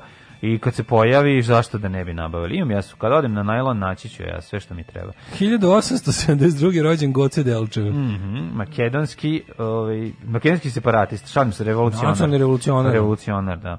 Pa onda 1900. Marko Tajčević, srpski kompozitor i muzikolog i muzički kritičar. Znaš ko je Ernst Lubić? -hmm. nemački režiser iz 1892. Mm -hmm. Pa onda imamo Radivoju Raću Markovića, novinar i urednik Radio Beograda, publicistu i sportskog radnika. Bravo. 19... Sports worker. Bravo, 1918. Znaš ko je? Znaš ko je John Forsyth? Lord Carrington. Tako je. Blake Carrington. Blake Carrington. Lord Carrington. Kako je to meni bilo smiješno. Sve se on zaista zvao, je on bio Lord. Nije, bio. Da, pa, na, Lord Carrington je bio onaj Lord Carrington je iz kontakt grupe. Kontakt grupe, da, da da. A Lord Carrington, kad ga se setim, jebote, on je pravi, mm. onaj, Lord Carrington je bio onaj, on je pravi, onaj, onaj upper class inbred, jebote, mm. kako izgleda odvratno. Mm. 1920. rođen Veljko Tanacković, hrvatski pedagoguje. Branko Miljković, 34. Mm. E, da, pesnik Saša Distelšan i prevodilac. E, Saša Preminuo u Zagrebu, ja mislim, pod čudnovatim okolnostima, ali tako? Jeste. Da, da, da, da 61. nije obio, nismo, nismo, ne, mislim da sam kao, kao pa sam kao, ubio, pa mislim, ali u, se... U parku u Zagrebu. Da, ali jako je to sve, ono... Sve je to znači, čudno. Ubila ga je da. prejaka reč, ne znam. Pa, ubila ga je, da, ono, prejaka, udbina reč. Znaš koja reč? Dezok si ribu, nukleinska kiselina. Na, da, to je baš prejaka reč. Mm -hmm. 1939. Eh, Germain Greer, uh, akademik, pisac i voditelj. Mm -hmm. uh, pa onda Znaš Simo ko je, najbolji brkovi u svemiru su rođeni, 1945. znam, 45. Tomislav Selaković. Tomislav Selaković. Da, laž, predinternetska laž. Da, čuveni Tom Selek. Thomas William Selek. Da. Ili pre interneta poznati kao Tomislav Selaković, ved dalmatinac koji je uspeo u Hollywoodu. Nije tačno. Američki glumac, producent i vojni veteran, najviše sam ga volao. On je vojni veteran. Jeste. Gde on bio? Mislim, pa u Vijetnamu, 45. rođen, verovatno u Vijetnamu gde drugde da mogu biti. U Koreji nije bio, on nije išao s 10 godina da Neko se bori. Neko neki dan okačio na Twitter kao, kao genijalnosti iz 80s bio detective showa, kakvih nema više danas. Bio je heroj manji od puške, bacao je bombe na korejske, ove, kako se Njuške. zove, na, na, na, na korejske, na korejska mitraljska gnezda. A nije 45. je, nije korejsko. Pa ne razum, pa bio 6 godina. Šest, pa bio mali, kako ti kažem, bio malim heroj manji od puške. Bio je kurir napadao je mitraljinska gnezda i im jaja. Da, znači, bio je baš dio, no, no. A zamisli stvar njega, on kao hrabri mali kurir. A znaš malo, ali brkat, ima je brkove kad se rodio. Čim se rodio, se, to su ti da, da, brkovi da, koji I tim brkovima je varao svoje komadante i govorio da ima više godina. Da bi, se, da, da bi, da mogao da bude Milon Koreji, da, se, da brani Ameriku u Koreji. Da bi mogao da bude i da njegova da pesma Milon. u Seulu Amerika se brani. Savi. Njegova stara pesma u, u Seulu Amerika se brani.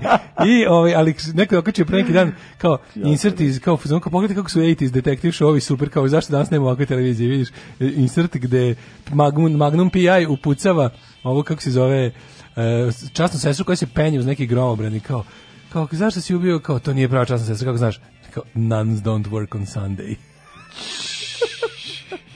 Dobro lupetanje. 45.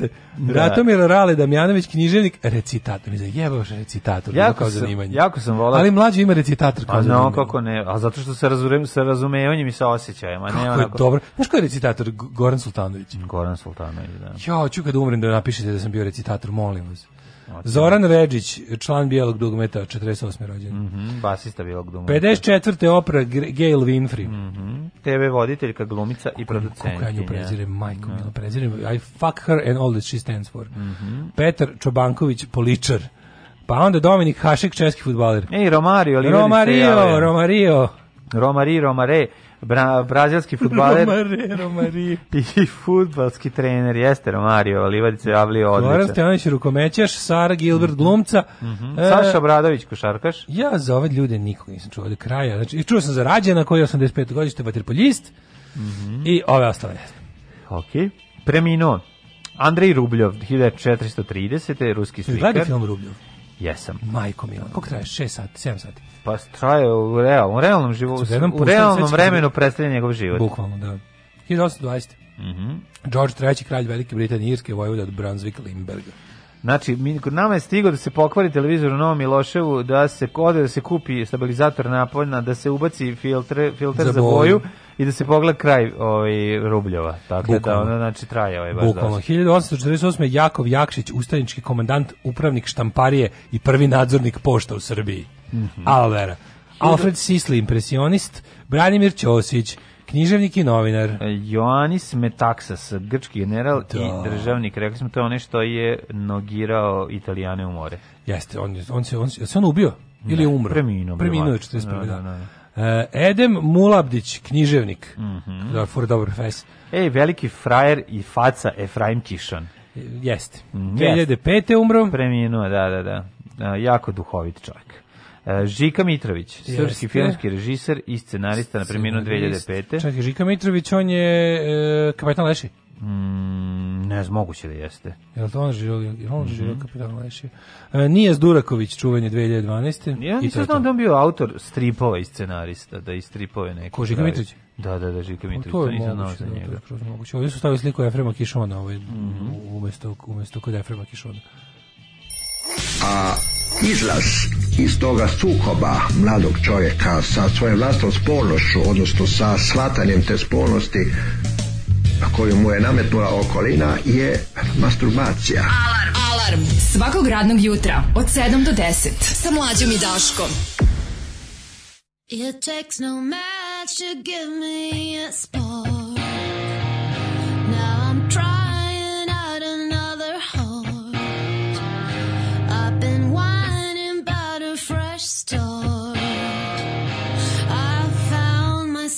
a good horse.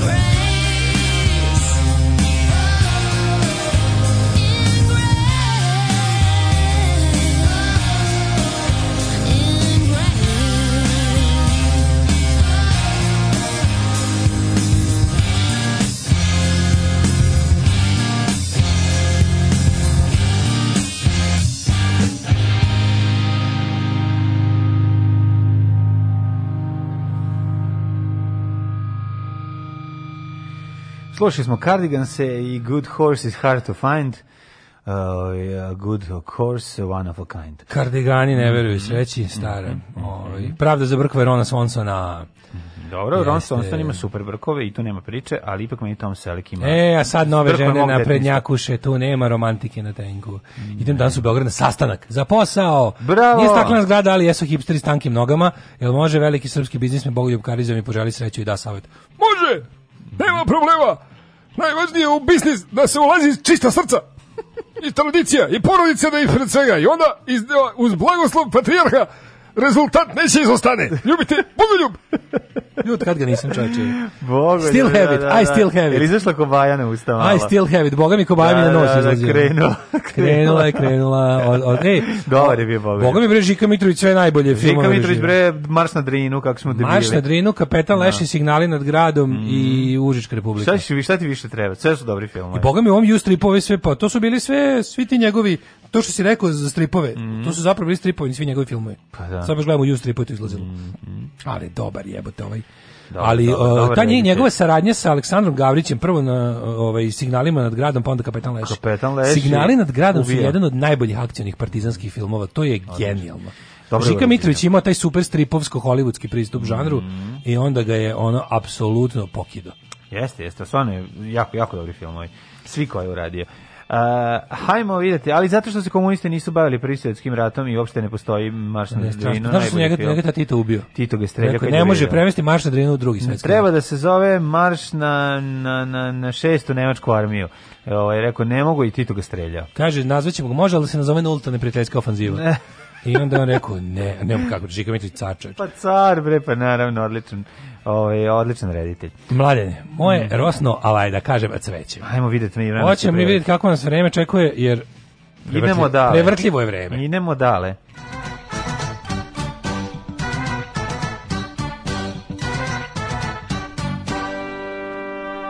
Idemo dale.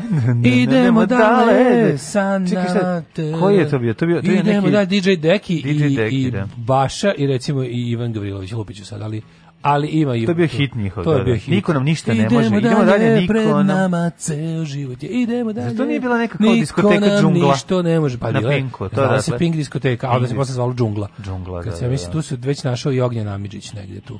pa je onako lepo. Da, da, da. Julovsko smeće ono. Mm -hmm. Ove. A, e, daj da mi vidimo vremenske prilike. 5 stepeni u Subotici, Sombor 7 maja, pokvasit ćemo svi zajedno Novi Sad D5 znači, sam bio klinac da meni taj uspeh DJ Deki je bio potpuno nešto neobjašnjivo kao kako ovo moguće zašto je ovaj čovjek popularan to je bilo kao kako neko ko ovako izgleda i govori i ponaša se kako može da bude popularan tu sam shvatio da život nema smisla preko DJ Dekija da Vanski Karlovac 2 Loznica 7 Mitrovica 3 Valjevo dvojka, ove, zatim posle Valjeva nam dolazi Kraljevo, šalim se, Beograd 6, Kragovac 6, Benska Palanka 3, prilično je toplo. Mislim, s obzirom da je ovaj, kraj januara meseca.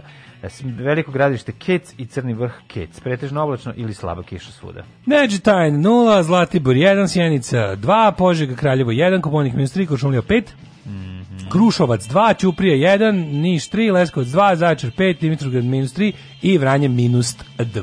Da šta da vam kažem, danas i sutra čak 14-15 stepeni u plusu, a onda temperatura ale, ale. u nedelju sedmica, pa onda u ponedjeljak šestica i tako, ali... Smeđu da mi dobijemo tople vikende. Ostajemo sa toplim vikendima. Već tri pa da. nedelje imamo da. topli vikend. Pa moraš imati blato na nogama kad ulaziš u kuću. Hvala Bogu. Relje. Zašto tehničko Ljudi, ja imam važan sastanak ne. u Ali 10 i ovo je nama važno. Zašto? 10.15 i 15 imate. Da, koliko je sad? Već kasnite. A u ljudi, da sam zakasnio. Alarm, Alarm. sa mlađom i Daškom.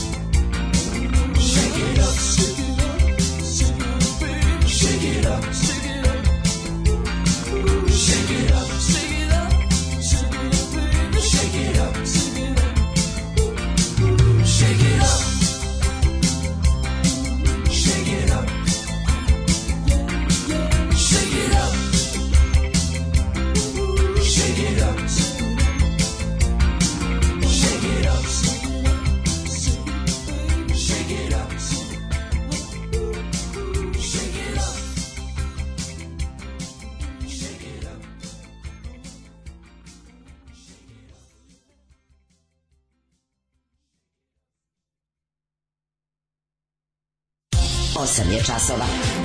Radio Daško i Mlađa. Prvi program. Hoće biti opet sremačkog latinskog, kad najde prirodno, ne možemo na silu, mislim. Nemojte na silu, Jer kako da. kaže stara da. latinska poslovica, je. Je. Je. Je. Je. Je. Je. DJ Deki Sestrić od Mičke Ljubišića ovaj već je hvalio da mu je pomogao u nekoj emisiji. Pa, Drugarica iz detinjstva đuskala u pozadini kod DJ Deki u moru onih šabanki sa usnama i vičnim tajnom olov, tamnom mm. olovkom. Mene je bilo sramota delova da je nju sramota po načinu koji je igrala, ali je i dalje bila tamo. E, samo da kažem, da li je, da li je e, manje, e, da li je manje Blanko od Nine ma, Ove, Martinović. Martinović igrati u njenoj, kako se zvala njena emisija? Nina Martinović, i ona je imala nešto žurka, žurka. Žurka, da, da. žurka. Da. da li je ona... Mislim, Jebote, gde si je... mi, zašto si mi otključao ovaj špajz? Pa zato što sam se Sad će da mi ispadne, jo, ispale mi sranje iz njega. Ono. Da, da, da. Ja, žurka, čoveče. To je pre nego što je Nina Martinović postala ataše klingonske ambasade i otišla u duhovnost. Ne, pre nego što je otišla, da. Kad čim, je žurka, tu, tu je vedrio, oblačio vajs. Pre nego što je počela da koristi, da pradi svoju onu emisiju, kako se zvala Svemir Ju, ona tako zvala, ona je bila genijalna. Ona je bila neka duhovnost. Ja sam to, ne, on nije, ona je bila duhovnost, ali više vukla na nauku, više na Tesla Fest. Ma nije bre, Veći Tesla ali Fest. Ali mislim su bila be astralna projekcija energije.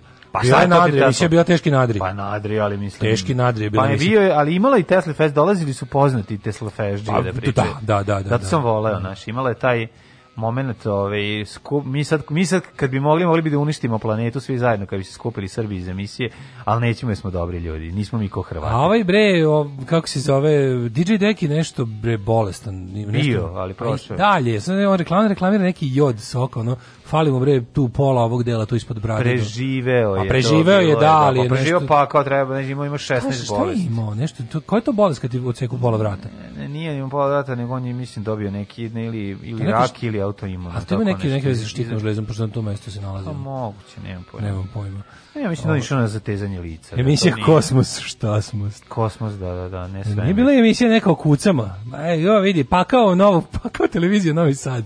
To je televizija kojoj, vidim, objasnim. Znači, televizija Novi Sad je, od, recimo, od 90. pa na, 91. pa nadalje. To je televizija u kojoj bukvalno dođe Gari i kaže ti, ej, sutra imaš emisiju o nemam pojma, od, od, o, te, o testa i ovih, kako se zove, i pekarskih proizvoda. I onda to i onda samo sledeće kaže, e, sledeće ideš na ratište, da izveštaš odatle. Posle to kaže, e, više da. nemaš emisiju nego si vozač. Da, onda da, ti kaže, e, dobra vest, nisi vozač, vraćamo te program, program ali ideš na radio i da. bićeš usamlje, usamljenik noćni. Tako, pa Tako da radiš šta god ti kažu, ono, samo da, može, možeš da. šta god hoćeš. Pa da, u narednom satu, u narednom satu, hej. Jer objasnio debeli šta je šortovanje, kako su pala akcije GameSpot. Evo ja sam pokušao da GameStop, ja sam ili Spot, GameSpot ili GameStop. Stop, Game stop, Gay pa Stop bre. GameStop, Stop, da, da. samo dobri frajeri. Samo dobri frajeri. Ja sam pokušao da to da prepričam celom raz. Naučio sam šta je šortovanje, da. Juče sam toliko bio u fazonu, moram ja da vidim čemu se tu radi, Kad da je postanem instant šortova. To ti je kad namerno, to ima neka fora. Se objasni? Jo, ja, ajde, čekaj. Ajde. Ja, ga sad, jako dobro. Ajde. A kako su meni, ako su lagali meni, ja lažem vas, što bi se reklo. E, E, znaš ti šta je short? Šta je short? Shortovanje. Uzmeš dilindaru. Shortovanje. Jedan, jedna, to je jedna onako mešetarska praksa, da ti Dobro, kažem. I onda... Mešetarska praksa. To se uzme ovako, znači hoćeš na primjer da zaradiš pare. A bok. Onda uzmeš pozemiš nešto, to ti, pa ovako da ti ukratko objasnim. Ja pozemi tebe recimo nešto, za tebe nešto pozemim. Objasni mi to, onda u malima prodam... poenima pa će mi biti lakše. Uzmem ja od tebe 10 dinara. Da, koliko jabuka? Objasni mi jabukama. Ja, čekaj, sad si me zbunio. Jer me u, u dinarima mi nije jasno. Ako može u nešto Ajde, 10 dinara. U da, da. jabukama. A ne mogu mogu, moram da uvedem, moram da uvedem neki, neki ovaj monetarni deo. Odma teško, ajde. Teško, odma. ajde, 10, ajde. pozajmim 10 dolara. Ne, da, dinara. Iz dinara može, ajde, pozajmim 10 dinara. Te bunadio ti to vratiti, ali fore da, da Vrati nešto da ću da kupim. Nešto, Vrati mi odma. Da kupim neke stvari, koja, evo, ja, može jabuka. Može. Jabuku za 10 dolara. I onda mislim da... Ovaj, Izgloncaš jednu i prodaš za 11 namerno na obaram cenu tome da bi ja to posle prodao i da bi kada bi da bi kupio više da bi zaradio na tome kada ti budem vraćao ono što sam ti ovaj pozajmio ja nisam ja zapravo nemam pare ja se se igram tvojim novcem, a pozajmim tako i onda cenu te, te jabuke obaram da bi da bih mogao da kupim više i da bih zaradio vraćajući tebi posle, razumeš? Ne. A, kako ne razumeš? Pa izgubio sam te kod onog kako obaraš cenu. Kako obaraš cenu? obara se kad... cena, a cena se može obarati raznim ono, ovaj Kako obaraš cenu? Pa obaraš cenu raznim, kako bih rekao, uh, e, u javnosti pla, mogu recimo da plasiram realno razne informacije, od mene. diskreditujem, to je taj neki. Ovi su taj GameStop da. je bio, to je bila neka firma koja je ono po po, svemu, po svemu zastarela. Znači taj to je neka ona firma gde se dalje prodaju diskovi sa igrama, prije što nikom živom ne treba. Ono. Mm -hmm. Onaka neka ono nemam pojma. I sad, su, I sad je tu kao bilo fora, neko je primetio od tih likova da neki likovi ovaj, u, u, hoće da ulože u deonice toga i da oni sad treba da, da obaraju cenu tome da bi to otkupili. Aha, I onda su ovi da. likovi se udružili na internetu da, da, da kupuju akcije te firme i na taj način povećaju cenu mm. i zajebu ove koji rade to shortovanje. I, I kao po, po, po, pobedili su ih kao njihovim pa, sredstvima. Pa, sad taj liko je... što kroz naše? Direktor razjebava preduzeće da bi ga kupio. E pa možda ako se kaže, pa, samo što nije njegovo. Pa nije njegovo još uvek, ali... Ne, nađe da, nešto. Da, da, da. Da. Sad, ta, ta, firma je za nekog imala neku vrednost. Sad, jedno što deo koji mi baš skroz nije jasan i dalje je šta je neko uopšte video u tom GameStopu da bi, ga, da bi hteo da ga otkupi. Zašto mu je neko, ok, on je sam po sebi već izgubio vrednost jer je, jer je zastareo, mm -hmm. ali za šta je on nekom, da li ima mrežu prodavnica konkretnih koje Verovatno treba, kao ima. nekretnina, razumeš, koje drži pa zato. Ja sam preko Slavije, nestali su kamioni, da. ali ostalo je... Ce, ostalo Zašto je uopšte nekom trebao taj GameStop, to mi nije jasno, ali recimo da neko teo da ga još ono kao više, da bi njegov, na njegovim deonicama oborio ih i onda kao da bi ga kupio. Mm. I on neko to primetio da neko to radi i ti neki na Redditu ono kako bih rekao aktivisti gejmeri Carevi. su odlučili da počnu da kupuju akcije te bezvredne firme i da im na taj način što neko počne više da kupovati jedno se jedno se pojavilo da to nešto vredi. Da. I onda ovaj koji ih je shortove izduvao, izgubio taj taj taj hedge fond koji je planirao to da uradi sa GameStopom i počeo da gubi neke ogromne pare, da je stiglo do neki tipa 13 milijardi gubitka zbog lošeg igranja na bez. Ja ne znam kako se to tačno pretvori. Pošto su ovi kupili otprilike 350 miliona onda je to, ne znam kojim tačno postupkom, taj deo mi isto nije jasan, pretvorio se u gubitak ovaj, tog hedge fonda koji je stajao iza pokušaja šortovanja za, za 13 miliona, biliona, izmijenio odnosno milijardi na e, samo jedno pitanje, to kad igraju na, na berzi, ili igraju i Wolfenstein ili samo neku svoju ne, Pa šta god kupe na diskovima tamo u toj radnji, tako da se to desilo prvi put, ali nevjerojatno se to tek sad prvi put desilo. Mm -hmm. Ali sad će ovdje, na što je sad fore, fore što su ljudi sad skontrali da, se, da će e, ta, to, to tako ovaj, e, prevarantsko, ta, ta vrsta to špekulisanje će sada biti, o, mislim, to više niko neće se usvojiti da radi na ovaj način. Naravno. I sad ne znam znači, kao... Znači, gejmeri su pobedili. Pa, u jesu. U, pa, gejmeri za sad jesu. to, sam to, da to je neka kao grupacija koja sebe naziva Robin Hood. Mm -hmm. o, neka, kao Vučić. Kao, sve Vučić. Kad smo kod Robin Hooda, moram napraviti ljudi igre. Alo je danas imao naslov. Vučić, naš Robin Hood e, kao uzeo je vakcine od najbogatijih zemalja i pojedinaca i doneće ih Srbiji. Verovatno. Da. Dobrodošli u Leskovac, prštionicu Roštilja. Alarm sa mlađom i Daškom.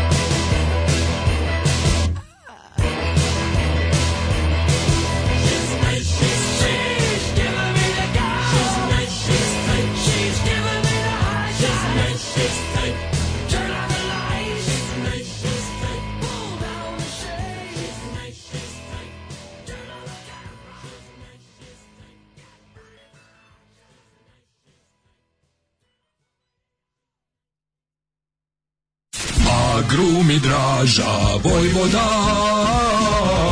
Agrumi Draža Vojvoda. Uvek sveže južno voće, pomoranđe, limun, mandarine. Imamo i kumkot. Agrumi Draža Vojvoda. Draža Vojvoda.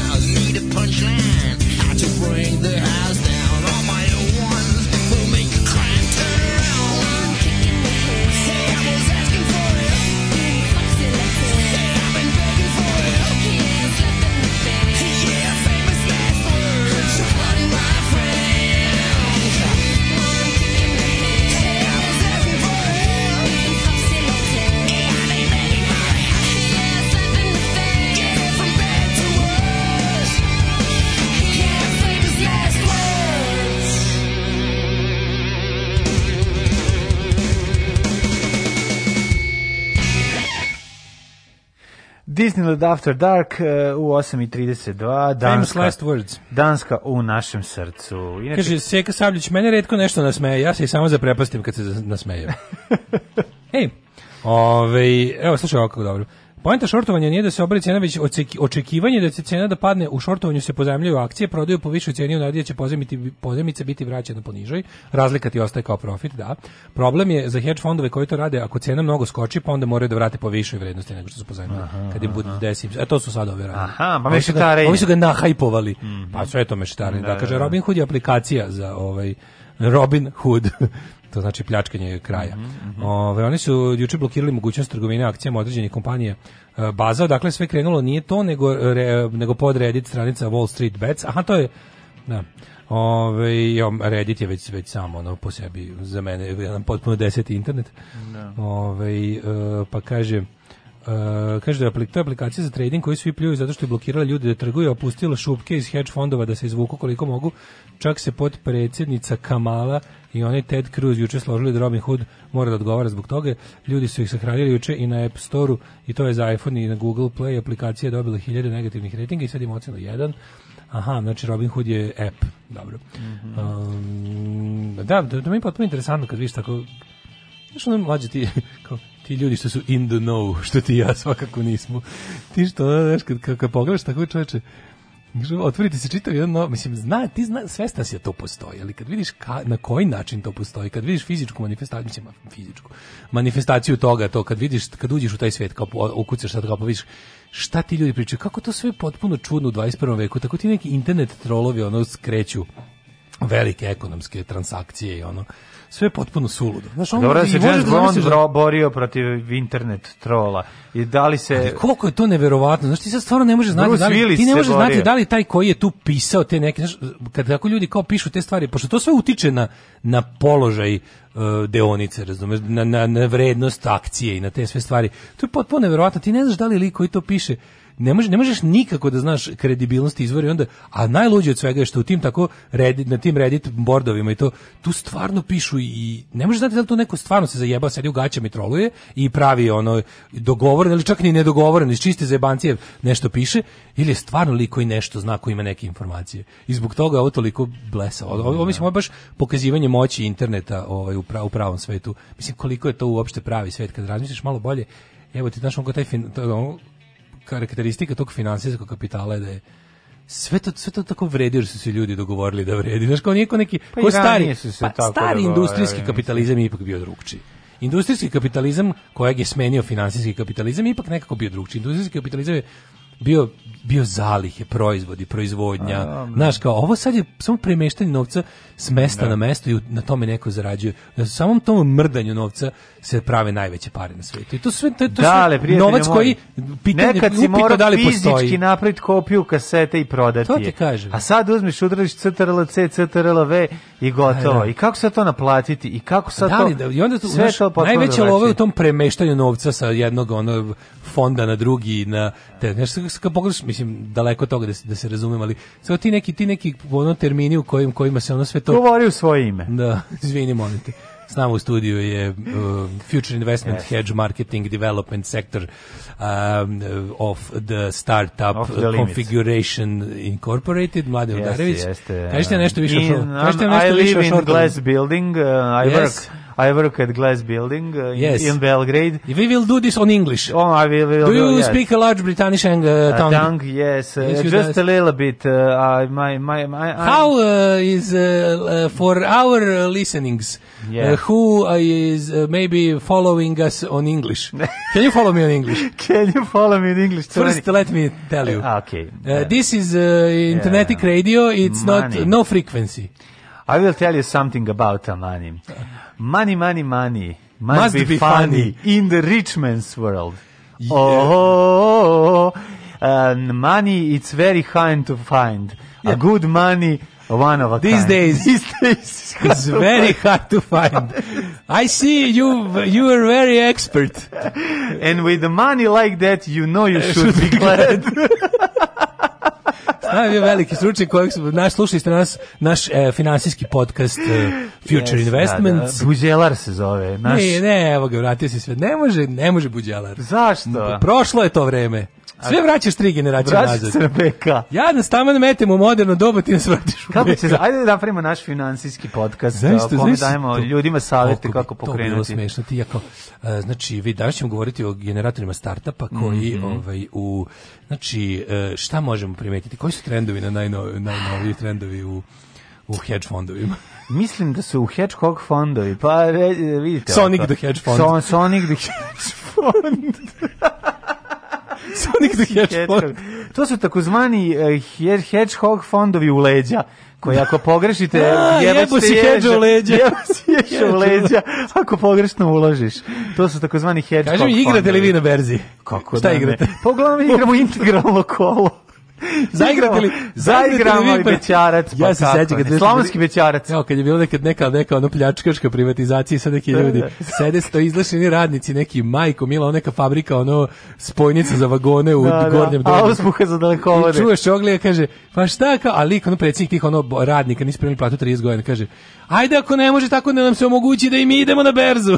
Ja, gledam sestri, ja kažem, ti ćeš na berzu a stvarno bilo ti ćeš na berzu, ono, bukvalno ga ne bi pustili da uđe u, u ulicu u kojoj je berza, ono, baš, što, bilo, baš pa, bilo tek teže i novi bilo. Berza, ja nešto, ne, ti na berzu. Nešto sam ja naučio burzovno izvješće. Ja sam naučio, pa, pa preko filma ovi, Kolo sreće. Kaže, znači, molim vas da odmah posle toga ide sportski podcast. Dakle, pa sportski i financije. Kako niste nijednom, znači, ladno, niste nijednom rekli reč kripto. Kripto! Da, ne znam, okej. Okay. Kakav si s kriptovalutama? Jesi malo i u blockchain fazonu? Kako ne, ovaj... E, Kaži mi. Vidi ovako, što se tiče kriptovaluta, e, najvažnija stvar kod njih je... Kripl da- valuta. Tako, tako zva, kripl valuta, to je na dinar. Da. E, te, te, da prva svetska kripl valuta. E, savjetovati, mi kad bi savjetovali stvarno ljude, ono, bilo kako, mi, mi smo potpuni imbecili što se tiče bilo kako, ono, finansijskog, bi prvo, prvo, prvi prvo nismo ljudi koji da bi da bi krenuo da se baš ozbiljno financijama možeš da imaš finansije moraš da, da imaš bi, you, have to have u računaru a ti nemaš ja, office. office to me jebe i onda znaš to te jebe u startu jebe, da. onda ja u office hoćeš ti objasniti ja ne znam excel o excel otvoriš tabelu ne znam excel i ukucaš šta si sve trošio Tako ti savjetujem. Tako, počnite da malo više vodite računa o vašim financijama. Nemojte trošiti kao pijani baroni, kao da ste rođeni. Evo, slušaj moj podcast o tome. A, ali ovo je baš dedin podcast. pa dobro, kad je deda, kad je deda kriptovalutovao. Dakle, ovako, vodite računa malo više o tome. Razmišljate gdje trošite pare i na kraju meseca ćete vidjeti da vam isti kurac pisali to u ofisu ili ne. Ili na papiru. Jednako će vam trebati. Razmislite malo, uštedite. Kaži mi, mladene... Reći vam kako sam ja stekao svoje bogatstvo. Ja sam naišao, išao sam ulicom, naišao sam na govno. Ja sam uzeo to govno, uglancao sam ga i prodao sam ga za manje para i propao sam. Jer su mi rekli, mi govno ni uglancano rećemo da kupimo. Onda sam rekao sebi, bolje da probam sa jabukom, ovo sa glancanjem govna priče, ja sam sam sebe stvorio. Kako si znaš, ti uspeo? Ja sam, da. sam sebe stvorio, znači, nastao sam da? prostom deobom od prethodnog sebe. I onda sam, uh, šta je bilo? Pa ja Kako sam, si radio? Ka, pa evo, da. isto jedan tako jednostavno. Malo da. po malo, znači, da. verovo sam u sebe, znači, Tako, ono, treba bogataši se Da, da, da, treba Kad bogataši Kenjaju, onako. Znači, šta je najvažnije? Najvažnije je... Da- Dobra volja, Volj. moranje i ništa više. Dobro? to citiram Druga. čovjeka koji pravi kuću. Ne, mora ovako, vidi ovako. Najvažnije. Sutra, sutra useljenje i investiranje u nju. Najbolje mi je ono govnarstvo, ono ljudi koji su ono ceo život sisali zlatnu kašiku i pa onda dođu tamo i kao, Vidite ovako kao Moraš raditi više probleme gledati kao izazove. Pa to kao to je najbolje. Probleme znači, gledati problem kao izazove. Znači ono spremačici to pa da, da kažeš, ono što traži za 11.000. Pa kažeš imam, imam ono što sprema. Jel on, jel on ima problem sa alkoholom, nema ni izazov sa alkoholom. Da, ima i...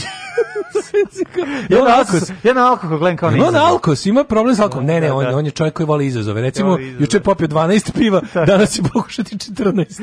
Tako je. A sutra će da oslepi od Živadinovića, pa jer voli izazove. Što voli izazove. Da, da, da. Treba, znači, ne, ne, nego taj, taj, taj moment je u stvari najodvratniji. Mislim, kod, kod ekonomije, znaš, kad ti jako je strašno kada ljudi koji su ono bukvalno nepristojno bogat što bi rekao pokojni ovaj Boris Tadić, da, da, da. politički da, politički pokojni Boris Tadić.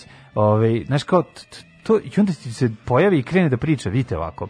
Za prvi milion se ne pita, a onda idemo sve ostalo. Znaš kao, pa, da. pa kao, daj bilo kom čoveku milion dolara kad ima nula, i on će za 500.000 potrošenih naučiti šta da uradi za drugih 500.000. E, ja imam, meni neko da milion dolara, ja više ne bi ništa radio u životu. Mislim, ja moram priznati da se ja takav. Ja sam ne, moj nepreduzetnički duh. Pa nije radio bi neki tvoj, napravio bi svoj izdatku u kući. Kažem, da ima milion dolara. Objasni mi kao ne bi ne, radio ne, svoj Ne, ne, ne, nismo se razumeli. Da mi neko da milion dolara, ja se ne bi bavio time da to pretvorim u 10 miliona dolara. Ma naravno ne. Ja bi se bavio time da mi bude super do kraja života. Pa naravno da ne, pa ko to?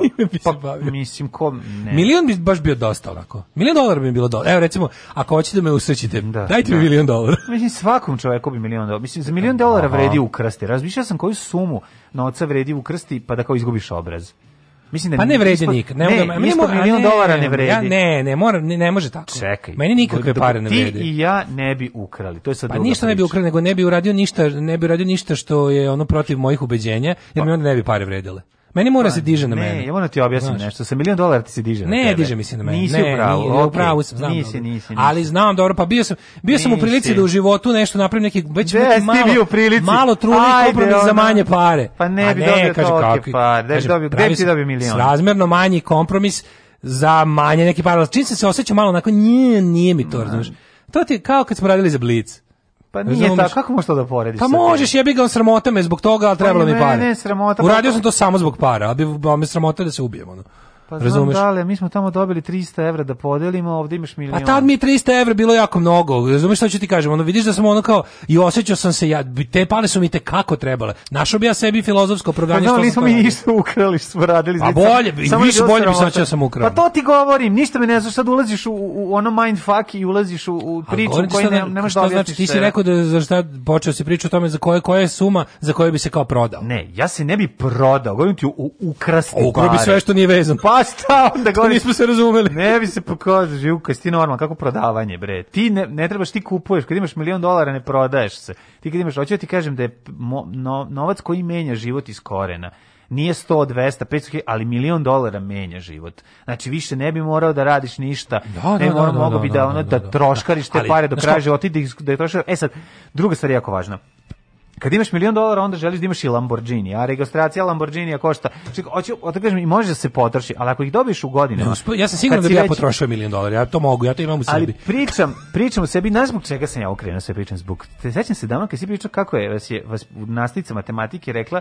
nemojte nikad, kao, kako možete, zašto vas puštate, zašto kradete u prodavnici? Da, to je moja nastavnica matematike. Pa to ti kažem, to je čuvena ona, i onda sam ja... Vas uhvatili za čokoladno mleko, ovi pokrili državu. E, to ti bilo sad, e, kako e, ste mi iznervirali, sad bi vas izbacila sa čas. E, e to. I sad pričamo o tome da. kao, znaš, kao, šta je to, mislim, znajući sebe, ja ne bi to radio. Ja ne bi uzeo šunku kad se ugasi svetlo, jednostavno. A ti, ti, ja, ti, ja, ti ja smo nevični tome, jednostavno. Mi osim, Dobro, drugače ćemo vas loše, pitani. Pa, mislim, to, to naš, ono, da. mislim, mi, smo, naš, mi, mi nismo vas pitani da uzmemo pare za reklamu kad nam neko nudi na našoj radiju, zašto nismo u tom fazonu. Zato smo rekli da ćemo da živimo od donacija slušalaca. Tako je, da. to je sad druga priča. To, smo, to je, su me, mentoli, to se zove još i mentoli. Ali, ali ja ovaj, nekako, ja, ja se, to ja, se, ja, ja, ja se zbog toga dobro osjećam. Šta da radim? To je sve u redu, da. Ali, ovi, ovaj, kako se zove, ali nisi promenio prozore na kući. Jebi ga, šta Jebi ga, okej, okay, da ti, ne govorim ti da to loše ili dobro, nego samo ti da, da, govorim, znam, govorim ti primere, kako to izgleda. Sad ti odlučiš šta hoćeš. Ali mislim da kao novac, kao napred, novac kada ljudi nešto kradu, lupam, ono, u nekom su sistemu, u državnih u mogućnosti, pa kao, kad ukrade milion, to je ono, ja mislim da to novac koji može čak, kad se ukrade jako puno, postaješ svedok saradnik. To sam teo da kažem. A pa to, pa, mislim, zavisi koliko je velik prevaranski da, da, sistem. Da, da, ako je pa da. prevarantski da. sistem... Ne, postojete, postojete društvene sfere u kojima se samo krade. Mislim, kao, pa da pogledaj naše društvo. U našem društvu ti tačno znaš koji gde kojim putem treba da pođeš da bi ušao u lopovsku ekipu. I sad ti kao lopovska ekipa ima razne oblike i razne ne, pojavne oblike u stvari, ne, ne. ali u principu to je jedna to je jedna ono kao šema za pljačkanje običnog sveta. Da. I ti znaš da ono kao svako ko se ikad učlanio u Srpsku naprednu stranku, učlanio se, 99,6% znači, ljudi na Srpskoj naprednoj stranci su ono kao tamo iz nečasnih namera jer znaju da je to mehanizam kojim će moći da se e, izbegava zakon, da se krade, da se uključiš u mašinu i da ćeš ti od običnih ljudi uzimati njihov novac pod plaštom e, servisiranja države.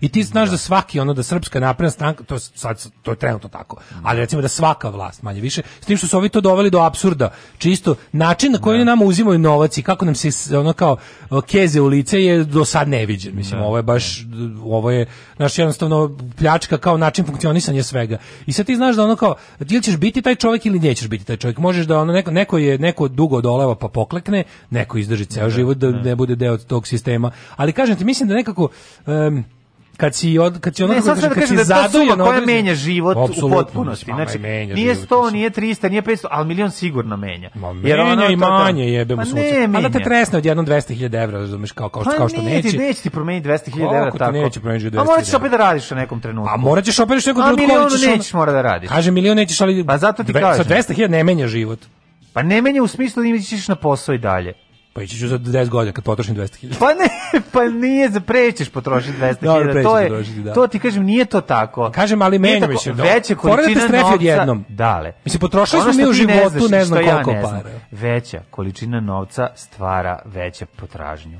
i ti ćeš želiti nešto više potrošiš i spušaš. Mlad organizama prihodi nisi. Tako je, kupit ćeš sebi onu mašinu za štancanje ploča kupit samo pući na tom poslu, niko neće otkup, otkupljivati onaj morbidi mčnoj što ćeš ti da ih izdaš.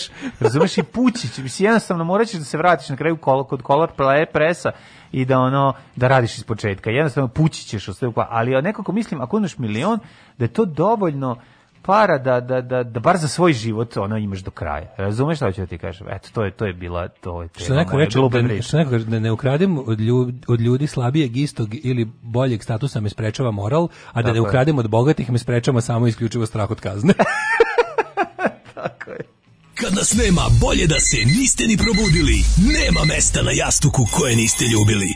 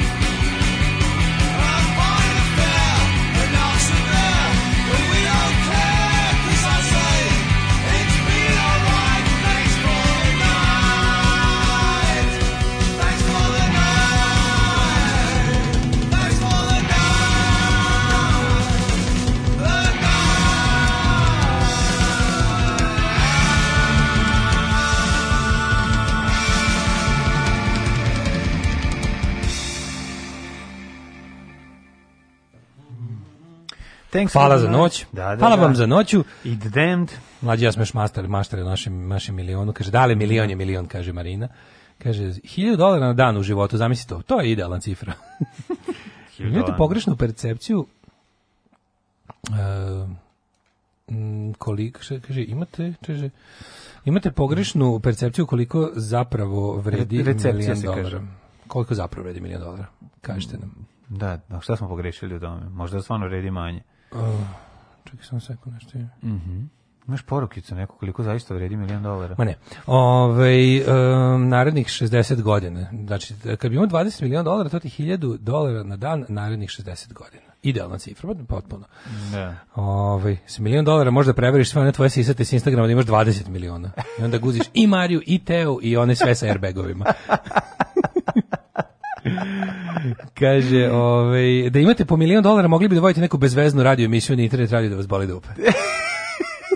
Pa niste vi uopšte imbecili, em vas plaćam, em povećavam e, dobiješ milion na lotu, platiš porez 20%, pročuje si da si dobio milion, pa te ocenjuju za 900.000 jer su dobri ljudi, neće sve da ti uzmu. Mm -hmm. e, ovo je bio odličan startup generator šortovanja polovnih artikla na nelonu i berzanski pristup mm -hmm. a, a letvom po kontejneru.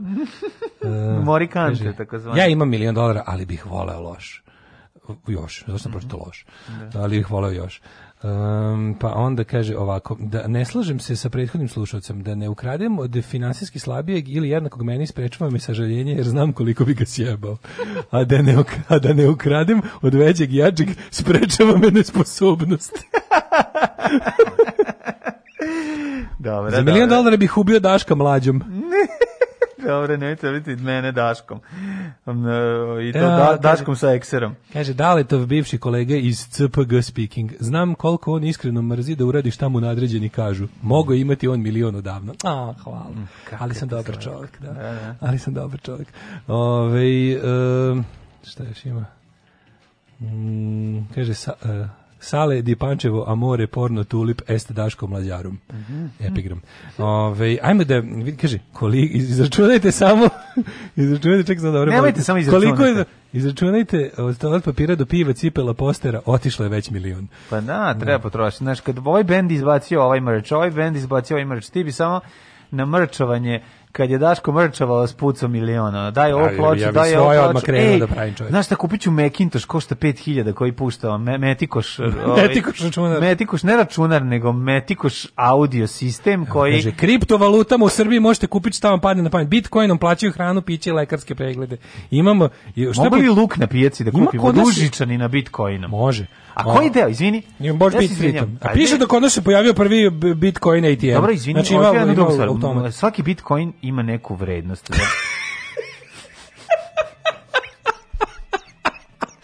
Kaži mi, Radomire, vi ste da svaki Bitcoin ima svoju vrednost? Koje? Ko, mislim, nije li, kako ja mogu da platim...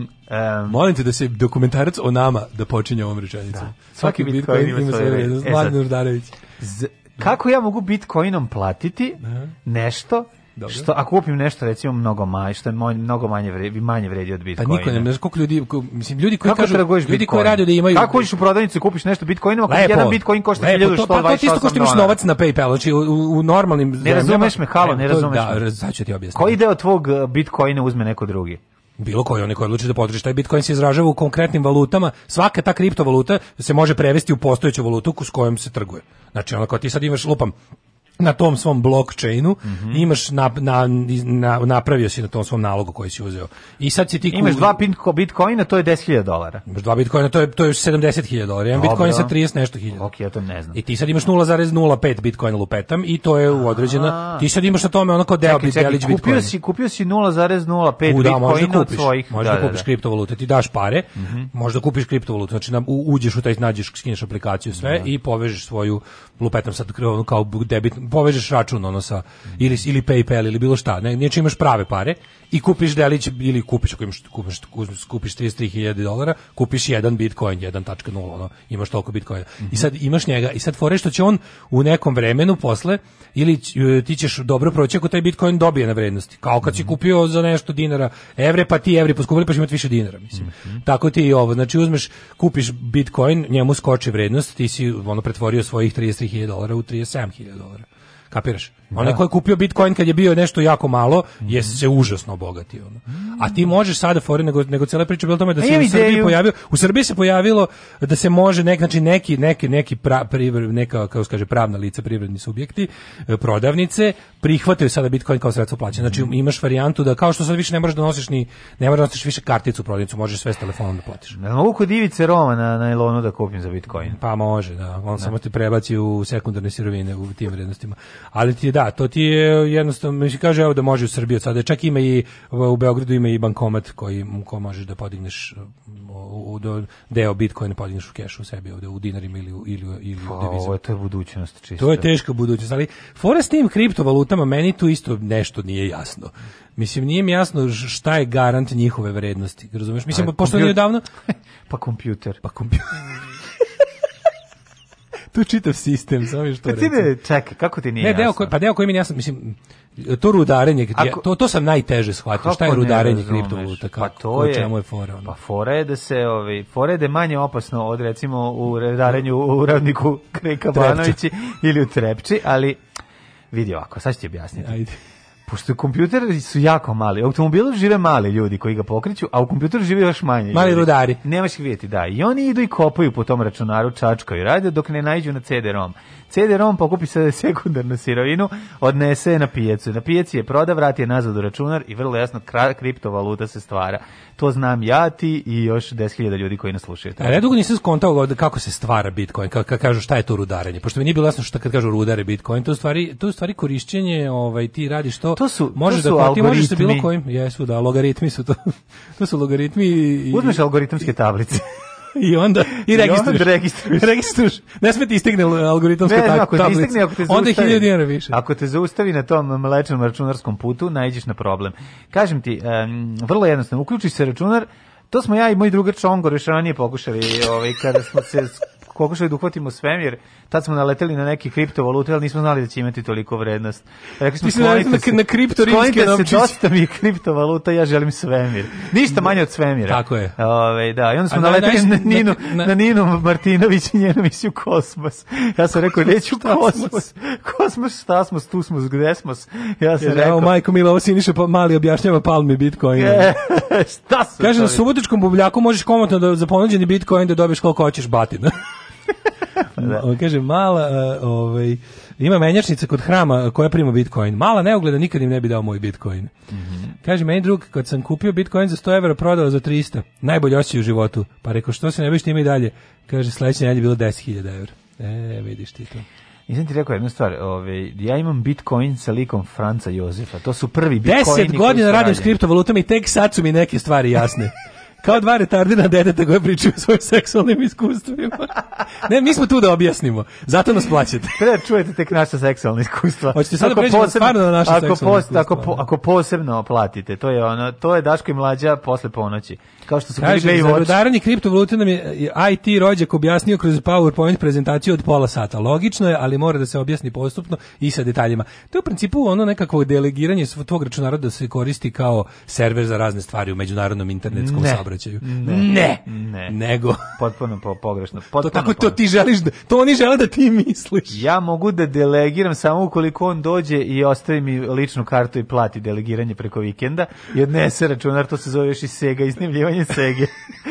ne da pitaš. Ali to ne može mlađe zato što tebe je ostala lična karta u sutra smokvica kad si uzimao bez Ne, ostala mi, da, ostala lična karta. si uzimao bez kaucije. Ne, ja sam prevario tu ovaj, radnicu. Samo korice si ostavio. Zašto sam i samo korice jer smo... Jer smo ti bi jata Lukas jebote. Slušajući pesmu lična karta pa zna izvukli unutrašnje deo lične karte. A njoj podvalili posebno. Ona ni tvoju sliku nije imala sad tu da jednom kad umru da, da, po njoj po njoj poznaju. Pa to ma ček pazi nije ni ni, slika je ostala, da da da. O majko, ti vidiš čovječe. Što mi posestra jednom dala. Mi se danas uopšte nismo dotakli ovih dnevno Pa i ne treba, I baš mi prije pravo ti kažemo. Pa da. Su do... A te ja sam baš da pričam sad kada ovako... Ovaj... Baš nekako smo bili čab, čabare je bio stajalo. Otvarajte, kaže, otvarajte Daški mlađe OnlyFans. Da, da. sedite da. u potkošuljama, Ove, ovaj, i da stavili pre čiste o svojim seksualnim iskustvima. Mi kad bi imali Daška i Mlađe OnlyFans, bili bi isti ljudi koji nas i sad slušaju. to je super. Pa, da. To je jako dobro, mala zajednica. Napravimo za njih to. Mi što da, god da, da. otvorimo novo, dođe, dođe, dođe samo, se ekipa, samo se ekipa pomeri. Samo se ista ta ekipa samo pomeri. Se ekipa da, pomeri. pomeri. Tako da, ove, ovaj, samo kao da prdneš pa se ekipa pomeri. Ono što je... Hoćemo imati neku temu za treći sat. Za treći sat ćemo imati, čekaj, ovo smo, ubili smo drugi, stani, čekaj, pustim jednu pesmu pa ćemo vidjeti šta ćemo. Če sad ću ti pokažem nešto vezi kriptovaluta. Imam, imam, imam, Bitcoin, imam Bitcoin sa likom Franca Jozefa, ovaj, kakav nisi do sada vidio. Pa ja sam zamišljao da to mnogo veće. Život može biti lakši, posao može biti bolje plaćen, zakon ne mora biti poštovan. Srpska napredna stranka. Učlani se još danas.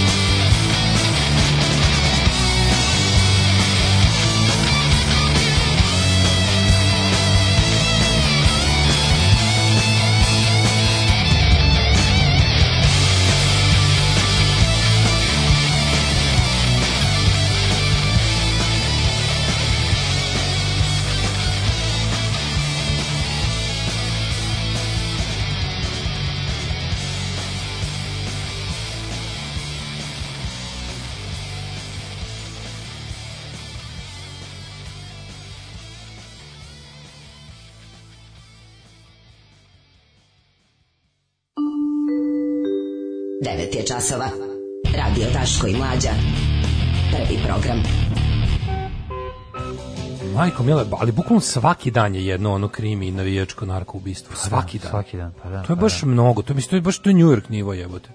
A pa mislim, nije New York, ali... Pa jeste, bre, čovje, to je New York nivo. Misliš u odnosu na veličinu? Pa, našu, u odnosu da. na veličinu je mnogo da, više, da, govorim da. Ti, da je baš ono kao Znaš, to je kao ne, mislim, koliko kod nas ima tih, znaš, nije to sad, ono kao džanki bio džanki, nego malo, malo, malko više, ne na visokom nivou, ali na malko više nivou. Ipak je među, što bi se reklo, trafikantima se to dešava. Yes. Evo, te, evo, ubijen navijač partizana, mislim, navijač partizana, da. iz grupe velje, nevolje, i u, u, ubili su pre toga i Timotija Stojanovića, Džimija i tako. Pa da sad ovdje kao ovdje sad navodno pokije. Sad su ih zamolili da se ubiju van grada. Ono. Da.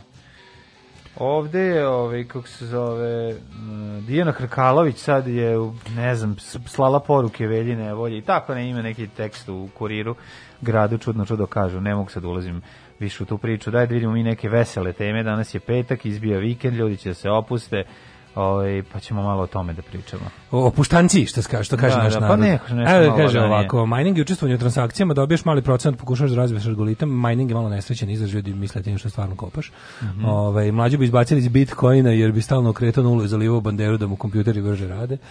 Ove, ovaj, da, kaže, daš svoj komp da pomaže ostalim kompovima u operacijama transakcija i kao nagradu dobiješ deliće kriptovalute.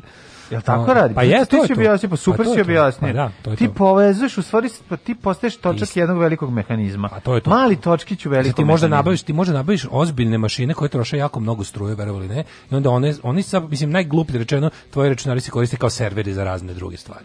To ne mora čak biti ni direktno nikakva transakcija, nego jednostavno kao u tom međunarodnom web saobraćaju koji je uvek je u potrazi za sve više i više, kako ti kažem, provodnika, ti budeš jedan od tih. A i mislim postoji razni načini što si više u igri kako ti kažem što imaš bolje što nabiš bolju mašinu imaš bolji ovaj bolje resurse, bolje alat za to, to to učestvuješ u kako ti kažem u većem Pa ajde. Veći, veći, veći grumenje iskopavaš. Pa daj ti, donesi laptop. I, raz, i različite zadatke. Pa donesi Ona je jučer za muziku. Možda kupio da priključimo. Ima, ima, 8, ima 8 GB RAM memorije. Znaš kako ćemo kopamo? Ali ne, kako možemo? Ludnice. Kako možemo? Sad recimo ja sam mojim računom. Ne nemoj ti ja da kopamo ništa. Čekaj, ajde, hoću, ne sad zato što želim da zaradim pare, nego hoću da budem deo, da učestvujem u tome. Hoćeš i ti da budeš u blockchain fazonu? Pa više da kažem ja sam kripto, to kad budem pričao u Ja da sam, kripal. Da sam kriptovalutisao, kad je deda kriptovalutisao. Staviš ih ih na koleno i kažeš da, da, da. e, mali moj. Mali moj, ne znaš ti kad se za 486 uključio ga direkt preko bandere da vuče više struje, da bi više kriptovalutica i stavili smo, a čekaj, imam ideju, možemo ti ja da napravimo firmu koja će prodavati magnete koji se lepe da smanje ove, ovaj, potrošnju struje. A nije to fora ti smanjiš potrošnju struje, nego možeš imaš dobru struju. To ti kao malo i srednje preduzeće, možeš. Pa pravićemo da- stabilizator. O ti kažem. Pa nego šta? E. Znači, vraćaju se stabilizatori. Ne smejao si se kad sam rekao na nailonu treba da kupimo stabilizator napona, a to je ono što ti najviše. A što ti računari moraju da imaju jake grafičke karte, kakve grafike ima veze s time? Pa grafička karta neka vrsta nekog ne nekog, nekog procesora za nešto, ono sad jebem li ga ono Nemam pojma, ne znam. Ako neko pametniji zna, odgonetite na da sve. Da možemo preko vikenda da i mi budemo u blockchain fazonu. Ajde, ne, zato što ovde preko vikenda nema ništa. Sada, mislim, sećam. ono, a ja bih volao ako bi mogao... Reći ćemo samo... Twitter influencer koji je rekao, malo sam sad i u tom blockchain fazonu, da. zato što stalno ponavljam, jer mi je to toliko klete kretenski. Pa, pa ne, ja da budem ja blok, blockchain fazonu, ne zato što bi danas... Osnivamo kripto Morava Kop preduzeće. Evo, šta bi mene zanimalo? Ja bih teo ovako. Zanimalo da Daško ja jedan računar ovde donesemo koji ćemo priključiti na mrežu. Direkt na, go, na banderu. Kaže, lokalni direktori EPS-a pokupovali dobre kompove, kačili ih na džabe struju, ne znam je li to tačno. Čekajte, dajte da, ono, mi ovde plaćamo struju mesečno. Pa evo, kaže, grafička služi kao procesor i mnogo brže čovječe, što mi nešto što mi nešto idu ova kripto objašnjenja. Ma ti već izlazi ti na vikenda i to ne sve uspostavio, a praviš se. Ja, oj, da sad kažem. nemoj da mi nađe Ali moju malo. Nemoj da do, nemoj da krenu sa onim krigerovim kombijem da otkriju moj mali rudnik ti na Hopovu. Si svoj, nju, ti si svoj norveški radijator u to ime. Tako je, nabuđio. to nije norveški radijator, to je desktop računar koji greje kao norveški radijator jer kopa dan i noć. Kopa dan. Ideju. Znači, evo, slušaj moj plan biznis koji sam mislio. Znači, ovde stavimo jedno dva računara, neće pretjerati, jedan tvoj, jedan moj.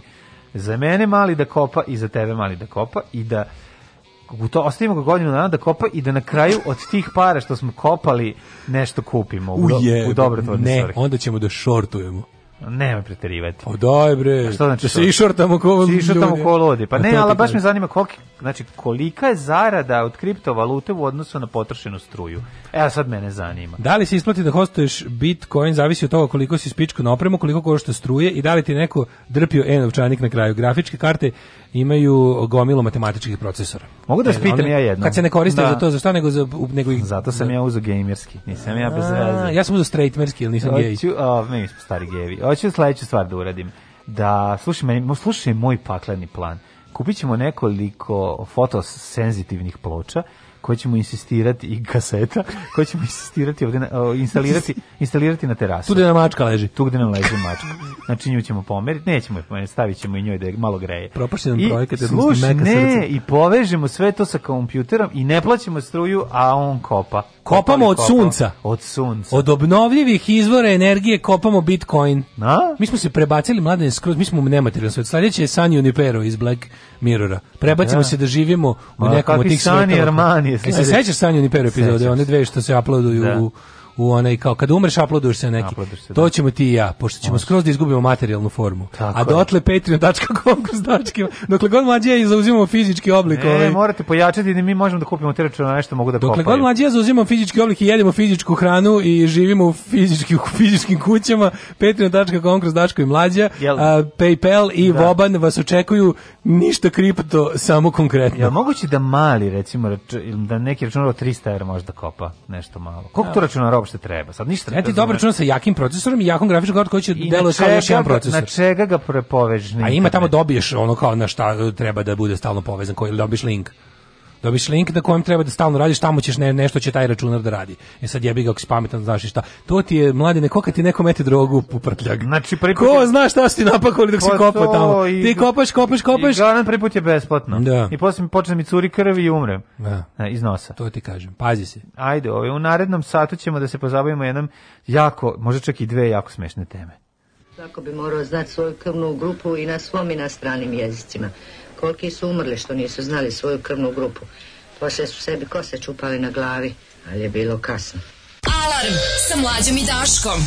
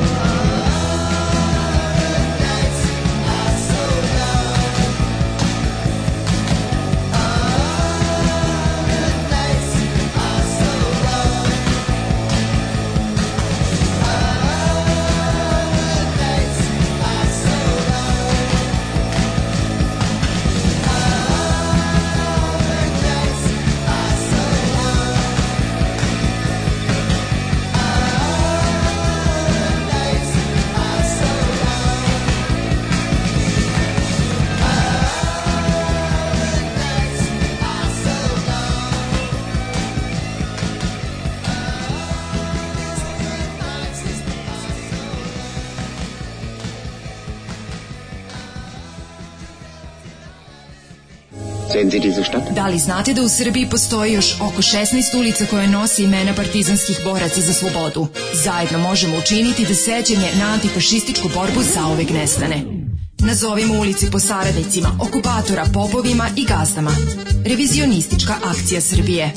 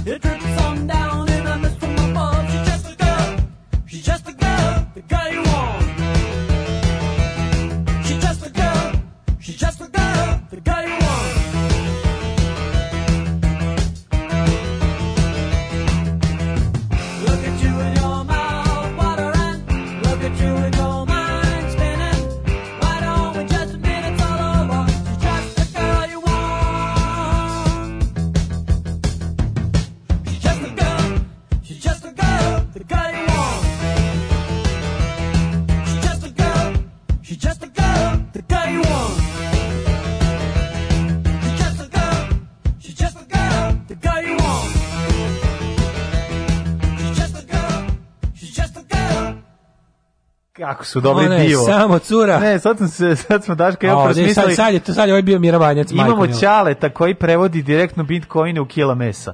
Jeste. Znači, to nam treba. Znači, mogu s kila mesa uzeti. Znači, mogu s mesa, mogu 5 kila mesa. To ti je 20 jaja. To ti je 20 To ti je 20 jaja. Program koji prebacuje bitcoine u, u, u prehrambene. Kaže ovako, iznajmite studiju u zgradi Big, za tamo je struja fiksna u odnosu na kvadrate, ostavite kompove da rade i dođite po rudu, proverena akcija radi to već ljudi, kaže, bili nam komšije. Bravo. Daćemo fotosenzitivnih stakala ako treba, brown siva staklo plastika, kaže Bokidino Ćola. Ima još kriptovaluta. pa s naočara će poslije. Sa da naočara pa, da. Uđi, i ona uđe neke babe na pregledu, kaže da vam ne treba foto, fotogrej staklo, skidaj. Skidaj baba. Ove, ovaj, ima još kriptovaluta osim bitcoina, neke su perspektivne imam visoki stabilizator, višak stabilizatora napona. Si, da, si, da. Mlađe, ima dobre upseve. Poklanjam e. vam ako treba, ako vam treba, javite se za primopredaju, to kad zgrenemo u naš Hoćemo. Bitcoin biznis. Čovjek ima stabilizator napona, može, da ne, da, može, može. Kupit računar. Dajte nam sve preteću opremu, mi kupujemo računar. Od, Kaže, dođe račun za struju, bit ćete u minusu celu platu. Va, za vas je švedski TV detektor, pa onda ovako, ima i pesmica, mlađa radi u rudniku i život mu nije lak, na kompu samo sluša muziku i kopa bitcoin, jak. Pa nije to sad da ja sam nešto, morate razumete, nije meni toliko do Bitcoina, meni je do procesa kopanja, ne, da vidim da kako to ide, da dođemo do jednog, eto, neka ide u dobrotvorne svrhe naš Bitcoin. O majko mila. Pa šta fali? Pa ti hoćeš da, da, to je bukvalno ono, Hoćeš da umre mlad, mala anđela? Da Možemo je toliko nabaviti par. Pa neć, imat ćemo za nešto. Nećemo. Nešto, ne, više ćemo struje potrošiti. Pa naravno. Aj, je. Ono, pa on se on isplati. Um, Sjetio sam se hita, ona radi u nužniku i život ju nije jak. Ali dale... Preferira tvrdu stolicu, ona mrzi proliv jak. Čekaj, dragi dale, kombinacija gde nam ovaj, uz pomoć ovih ovaj, solarnih panela, koje sam mm. pogrešno nazvao fotosenzitivne, što jesu fotosenzitivne ćelije, ovaj, kako se zove, uz, pomo uz pomoć toga ne plaćamo struju, znači mm. samo sve priključimo na znači, jedan... Svet je naš Pa ne, da li se Hours isplati? Eto, ja sad pričam ne? naglas o svom poslovnom kako planu. Kako napravi solarno? Ako, nekom, ako je to nekom ozbiljna i dobra ideja, imaš u Banatu ovaj, ravnu ploču, tamo možeš namestiti da ti sun, ima sunčanih dana toliko i toliko, kompjuter košta je toliko i toliko, puta vremenski period, koliko bitcoina može da se iskopa, isplatili se ili ne, to je moje osnovno pitanje. Hoćeš ti da pročitam poruku koja je posljedna stigla? Ajde. Prekini krv ti jebem. Petak je, ostavite nas da lupetamo, jako smo srećni što je kraj nedelje i freestylingujemo. E, vidi, mlade, mislim, pošto zvuči kao da smo na drogama danas, da, da, da. nismo da. stvarno. Evo, ako hoćete, možemo da uradimo Marko test. Nova saobraćajna pravila. Marko test. Marko test. Nova saobraćajna pravila. Vozači zaustavljaju i zbog narko testa. Mm -hmm. Konačno, ono što su meni radili 2000 četvrte ili pete koje već jebem liga kad je to to je tad bilo novo zaustavili nas na autoputu da, negde da. u blizini Minkena. I zavukli vam ono usta. Blizu Minkena, da, mm. ne, ruke, po rukama. Po rukama, ne, mm, po nama su uzeli i uzeli e, nam e, bilo iz možda, Čekaj, čekaj, da li bilo i usta, ne mogu se. Da li da. bilo ustali smo mi samo u pa, rukama. Da, čekaj, čekaj. Da bili su Filip panduri, odveli smo se iza nekog. Ne, znam da su bili pravi panduri. Ja to bili poručnik, onda je bilo Mogu se da je bilo da, da, da li je bilo, bar je bilo ustali smo im samo rukama, više se ne sećam. Uglavnom odveli smo se iz jednog paravana, onako to je bilo mm. najbolje kad sam ja bio, kad sam jedan da li posebno sam ličio nekog lika što ga traže za nekog iz drugoligaš, vođu nekih huligana, nekog drugoligaša kojeg, za kog su čekali da se pojavi taj dan u Minhenu. Da. Pa su mene tamo nešto slikavali iz uglova. Mene su žandari iz centra e uhapsili. Mene su, meni su ruke, Ludovik. meni su ruke bile plave, skroz nama su uzimali otiske prsti sve, dok nije došla žena da, da kaže da nam, ej ljudi, dobro čovječe. kao, da znate vi da kao Srbi više ne trebaju vize, zašto nemate vize, zašto da, nemate vize? Ne trebaju vize. Ne trebaju vize, ko kaže da ne trebaju vize i da, onda zove. I da. ček, čekali smo tri sata, jedva stigli u Bordo, jedva stigli na koncert. E, to ti baš primjer ne, ne pa na pravde Boga. Pa da. A ovo je bilo tamo nešto kao zaustavljeno i kao iz, iz sve iz, iz, na nekom zaustavnom onom da. na, odmorištu ima kao kamion pandurski mala laboratorija. I sad ovaj svima su nešto ruk, na rukama su nam uzeli nešto s nekim ono tim kao mm -hmm. kako to kaže taj štapić taj. Vidi, I, mi kao šta radi? Da, da kaže, ovaj drka svaki dan. Ko je ovaj? To je naš bumjer, pustite ga na miru. On nema šta drugo da radi. Ne, ali I ovaj, ne, to je ovaj, tako nešto kao, ja kao što kao, kao, kao drug test, kao super. No. I čekaj, ovaj, isto kažu, a mene onda kao, a ti, kao, a ti dođi s nama u kombi. Ti debeli, ja ušu unutra, tamo kamere, ćemo i dva da crnca, magarac i da, ostalo. Da, ličnu kartu izvedi, sedi na kauč. I onda su mi nešto tamo, znaš kako to bilo, slikavali me nešto iz nekih kao neki neka kamera koja ide oko tebe, tako magnetna rezonanca jebote ono. Da, I onda da. kao si ti nešto i posle kad je bilo kao mi smo mislili da si ti neki. Da si ti nešto... Neki lik što ima neko tursko ime što je najluđe. Mhm. Lik ima neko turski zvučeće ime. Vukos Golijat. A neki Vukos Golijat, on, on je neki ono vođa neke te ono desničarske bande huligana nekog minhenskog drugoligaša. To pa sam bih hiljadu puta rekao. Da Znam, ti, jezik, ti, si ono, da, ti si pogrešio ono, pa, ideologiju. strano. Ti, si pogrešio strano. Ti, kad bi se čuo s pajom, znaš kada ja, bi pa ti bio levijatan? Da si ruka i rukavice. Najbolji bi bili. Bili bi patronale šape, ti si bio Chase a on bi bio onaj drugi, kako se zove, Meridian. Better than the catch. Belju, da. da. da, da. A, ovaj, kaže na koje droge? Na osnovu uzorka pljuvačke detektuju se sedam vrsta droga amfetamini, kanabis, kokain, metamfetamin, Um, kaže, može. metadon, benzodiazepin i opijati. A može pa su sve ovo opijati. može ljepak. Ne može lepak. Znači, Mi koji volimo spas. da vozimo da, razvaljeni i ostaje lepak. Dakle, nema više snifera, opet ćemo snifati sam glu, ipak mi se čini da ćemo snifati glu. Da, ali kažem ti, ovo je bilo, sećam se dobro da je bilo da je bilo tak, no, ono, da su nam po rukama to Dobro, čekaj, ovo, ja, ja sam video... Ne sećam se da su nam gurali u to bih zapamtio. koji je pre nas bio, na, isto zaustavljen u istom trenutku kada i naš auto, je pazario E, neki štapić u usta i to sam gledao. To su mu nešto ovaj, s tim štapićem su mu čačkali po ustima, uzeli bris, onda stavili sa strane i čekao je da vidi šta će se desiti. par minuta su, je taj test trajao, mm -hmm. a, ovaj, a nas samo, pošto smo izgledali kao sirijski izbjeglice, stavili samo sa strane da, i rekao, da. ajde vidimo. No, zašto je bilo neprijatnost kad sam kao, još mi kao tu, tu isto bilo nešto relativno, sve, smo, da li smo mi tu išli s vizom, Moguće smo tad, da se tad još putovalo s vizom, da to neka da, da je da. to bilo s vizom. Još ono kao vizom sitre. Ljubav ima bedž na na jakni, ono onaj logo RAF, onaj mm -hmm ja kao, a, kao, ja kao pandurga nešto kao prekorio, kao, that's not nice, kao, nešto. A mi, ono, kad, kad ideš u Nemačkoj na viziji, ono, da. sve ide, yes sir, thank you sir, ono, da te ne da, izbace da, svakom da, trenutku. Da, da, da, samo da ja stignem, da se dokopam Njemačke. Bilo jezivo. Kao, yes sir, thank da. you sir, please sir, tako da. sve. Tako da, sada će, sada će da nas ovaj, testiraju i na, a to je, mislim, konačno su se skontali, jebote, kad su uvatili onog taksistu nekog pre neki dan u Lupiću, Kragujevcu, imaju u Kragujevcu. Kao lik je ono kao ono, da, da, da li mu da duva kao ništa, a da je odvaljen da je ono da je, da je potpuno lud ono. Da, da, da. I kao ajde da ga privedu u stanicu da mu urade i kao to da mu izvade krv pa da mu urade taj neki ono. Da. da mu izvede drogu pa da urade test da vidi da li ima krvi. Pa on je razvaljen kao, a fazonu nisu mogli da mu dohakaju nikako kako to suludo, mislim, ne znam kako taj zakon o saobraćaju tačno formuliše te stvari, ali ja kapiram da je i po našem, ma koliko bio star zakon zabranjeno voziti pod dejstvom opijata. Jedino valjda što oni nemaju do sada nisu pa imali kako da utvrde da, da li si, da. da li da. si ovaj, pod psihoaktivnih supstanci kako se da, kaže. Da, da. Tako da će od sada... Pa sad imaju, ja mislim. Sad imaju, sve. Da, da. Ali, da, da. Ovaj, tako, ne, ne, de, piše ovako, ne detektuje lepak, ne da, detektuje ovaj, muskatni muskat Kaži mi da, se sećaš toga da li, znači, da li, šta još ima, ne, ne, ne lepak, muskatne oraščiće, da li ovaj, de, da detektuje kad si parketar pa se nasnifaš ideš posla na razvaljen. E pa to me ne pa nije ne radi ne radi na lepkove. Radi samo da. čuješ šta ti rekao na ove znači, ove, ove navedene. Kontrola se obavlja na dva načina. Prvi je korišćenje uređaja Dreger drug test mm -hmm. 5000 U ozvučiku Anal Intruder 2000. Čekaj, 5000 je kazna ili 5000 se ne, zove? Ne, uređaj se zove Dreger Drug mm. Test 5. Film E, odnosno, na osnovu uzakabljivačke kontrolu e, vrše policijski službenici na mesto da je vozač zaustavljen, taj 10 minuta. Postoji drugi način kontrole, to je upućivanje vozača na pregled u zdravstvenu ustanovu, gde se vrši analiza na osnovu uzorka krvi, odnosno urina. Eh, pa onda ima ranije je postala kontrola upućivanja vozača za koga se sumnja da je pod dejstvom psihoaktivnih supstanci na stručni pregled u zdravstvenu... Crnu reku. Da, da, da. Da, da. Odmah, da se vršila i analihemijska analiza mhm. isto. Mm -hmm. Kazne su Lopata, uh, protiv vozača se podnosi zahtjev za pokretanje prekršajnog postupka od 20 do 40 hiljada, pa to malo jebote. To je baš malo za vožnju. A, raj voziš da. narađen, je, to je mislim ko je spijen isti kurac. Mm, da, da, mislim, da. On, mislim 20.000 stvarno ništa. Pa, ali čak je se oduzima, možda je kazna samo finansijska 20 od 40.000, zavisno od toga šta si une u sebe. Da. Muskatni oraščić te neće nikad provaliti. Mislim, meni što sam onako fazonu, policija treba da bude strožija. A i mislim, to je pa jedno, to je jedno, to bukvalno, to oko, oko da. tih stvari, to kao to vožnja pod dejstvom alkohola i drugo, tu sam, tu sam, tu sam ono stvarno, ono, pa da, pa da. tu sam ono živela policija, skroz sve, sve što uradi su u Yes, u fazonu yes. sam kao sve što kažu su u Jest, jest. Ja imam dva minuta da se obratim naciji, da kažem dok mi sviramo, da padaju bombe na Dubrovnik i Tuzlu. Nećemo da zabavljamo biračko tijelo. Jebe vam mater!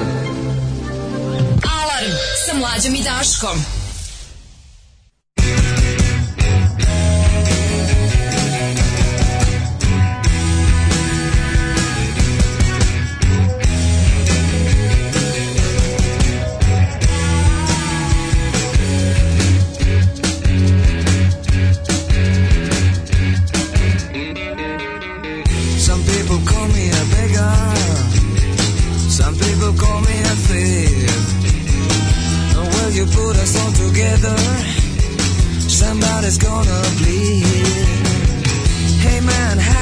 Tell me, have you seen the weather?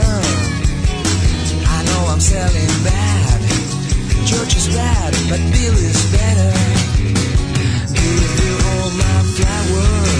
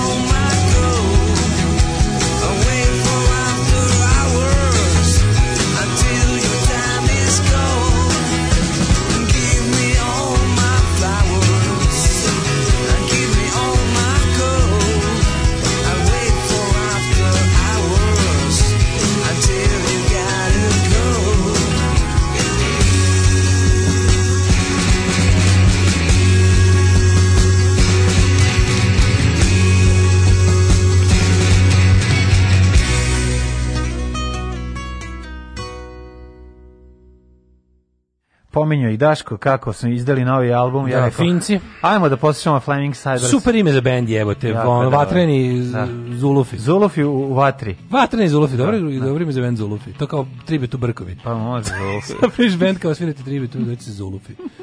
Ove, ovaj, e, bafe što bi rekli bafe. u, u, pa u, u Bafe. Što bi da. rekli da. bre u Splitu isto tako. Mm -hmm, pa da, Dalmaciji i Istri. E, pa kaže ovako. Bafe u plamenu. Kakve prostačke poruke šajte, stvarno ste banditi, ono najgori.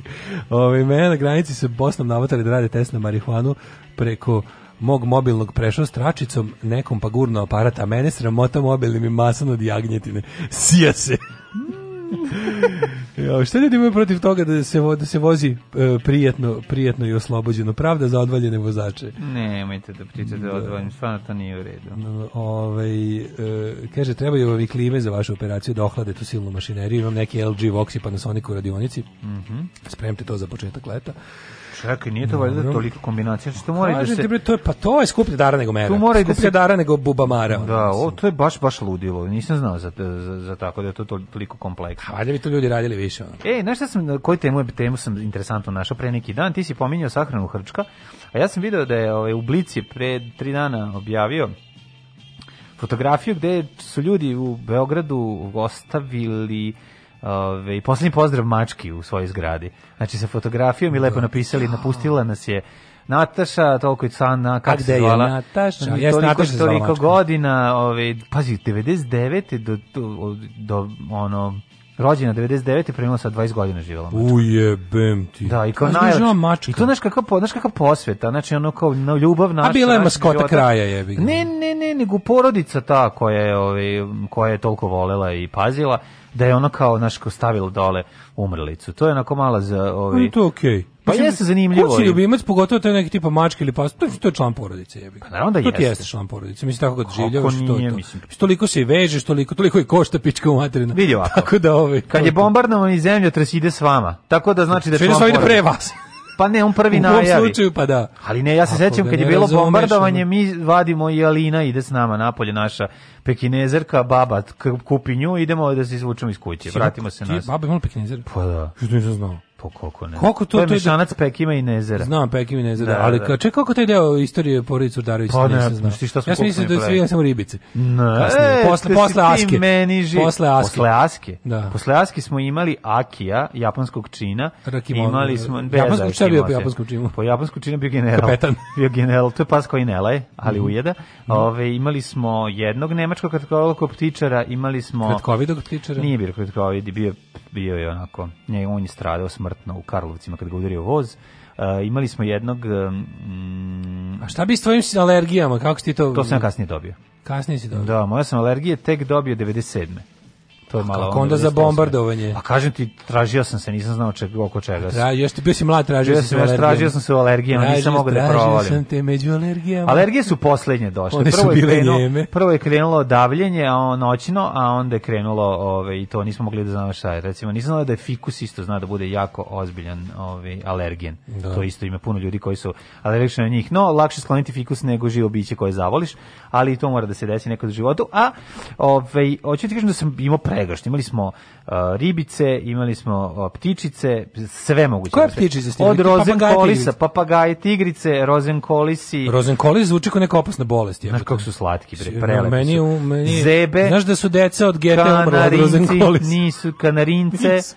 Imali smo, pa ne znam, hrčke, sve što možeš da zamisliš od životinja. Čak je jednom Čale doneo i Galeba koji je bio A jebe mu sunce, gde je našo Galeba? Pa našo ko povređenog, povređenog na Dunavu, pa ga doneo. A sad ću na KYTV, sad ću KYTV kada ne ga hranili, hranili smo ga lebom. Ja sam ovo hranio mesec dana, onda sam vidio da u stvari imam kesa.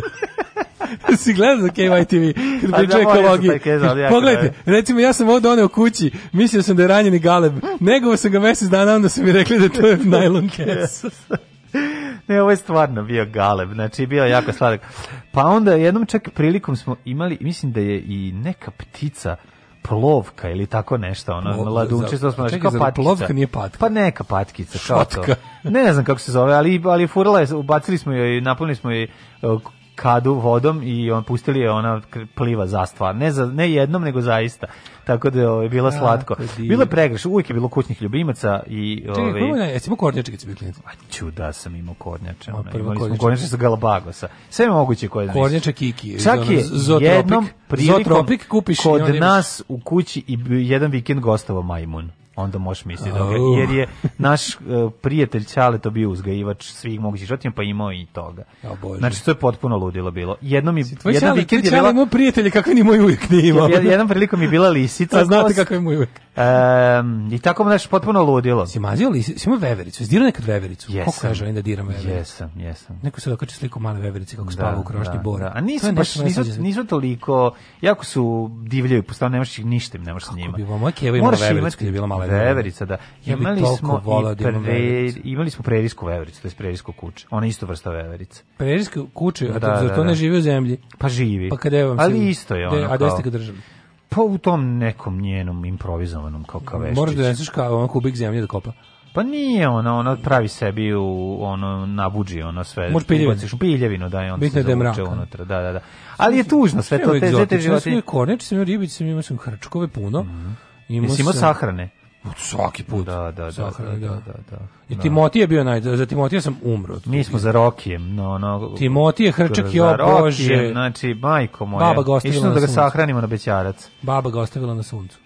I šta nas greškom, pa jevi ga spucao se on i onda onda ako bio sam ušmuran ono kao kako sad, sad, evo sad mi tužno kad se bio lep mali baš mi bio kopacovku bio onako mm -hmm. bio siv Sivi pa. Što je da, bio da, žuta, da, što bi rekao Đura.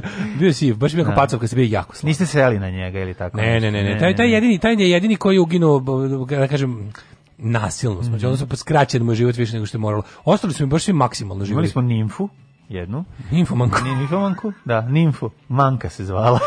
Nimfa. Ali zavisni, ovo je naša nimfa manka. manka šta radi?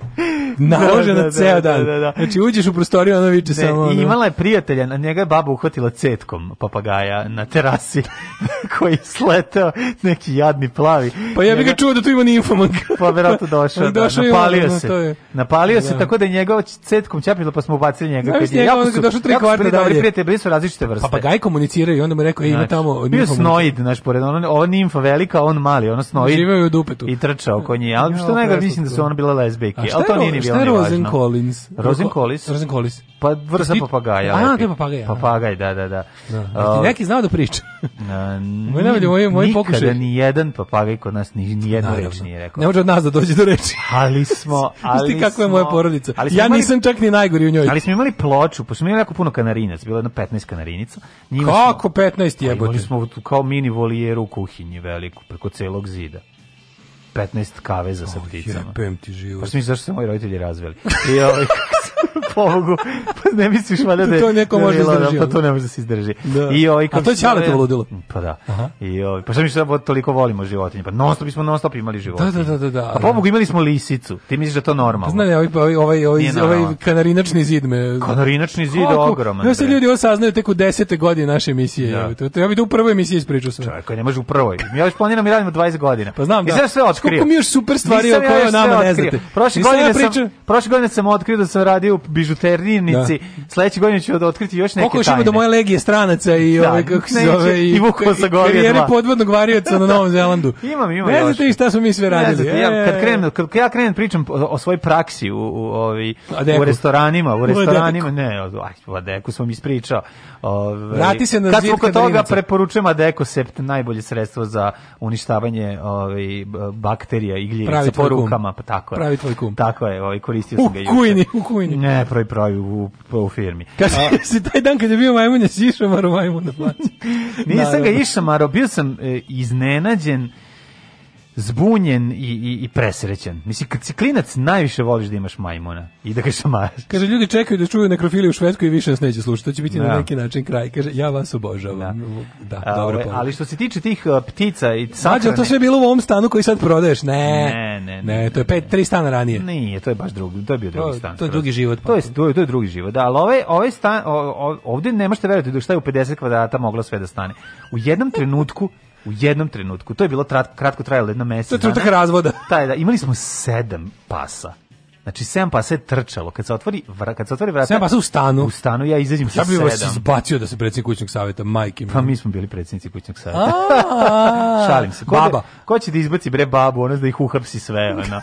Znači, nema šanse. da ih proglasi za nacističke špijune. Ovaj, I onda oni dođu svi kod babe i baba svakom razbije po jaje. Ono, I onda on ja, kaže, baba mi razbije jaje, a psi kažu, Ne, i onda, znaš kako su imali lepo dlaku, zato što svako jutro dobiju po jedno jaje. Da poližu jaje babi. I tako je to bilo, tako je izgledalo to. E, a sahrane njihove su bile dosta tužne, ja sam prišao na dve. Pa sahrane bila svaki dan, je. Pa nije bilo svaki Stradili kolisije. Nisu nam umirali. Znači. Nisu nam umirali. Bili su uh, humani smo bili dovoljno, pa dosta. Pa dobro, dosta, ali kad krenulo, mislim. Ali hoćete da ti kažem, to je bilo baš je nestalo 15 kanarinaca. Šta je desilo s njim? Nije 15 kanarinaca, pa shvatio, shvatio je, čao, prebacio se u Bukovac. A, shvatio, a bilo je neuslovno, ne, onda smo imali jednu veliku, to je bilo najlepše. Baba držala kokoške na balkonu, pitaju. Nismo, ne, ne, ne, ne, baba nije ništa donosila životinje. Baba je bila se sela. Puko nije... film i razbila se. Kad je Čale počeo da plaćuje ulaznice u stan, a baba da proda kokice. Nije, nije, ali je bilo jako dobro. Nismo radili temerinski scenariju. Kao ona baba, šta mi dolaze ovde Porodica svi. Porodica Ventura. Da, ali su ovaj dole, ali znaš ti kako su drugari vole da dođu da vide. Pa, da. Znaš kad se... Da I slušaj, najsmešnije od svega je bilo, najlepše u stvari, je bilo i malo i najtužnije, kada kada treba u proleće pustiti, pošto su kanarinci glupi, pustiti golubove. Pošto su kanarinci glupi kao kurac i zaborave pesmu preko zime, pa onda im ti oni pa svako proleće uče pesmu po ono. Oh, yeah, I, onda, ti. I onda baba mora da zviždi.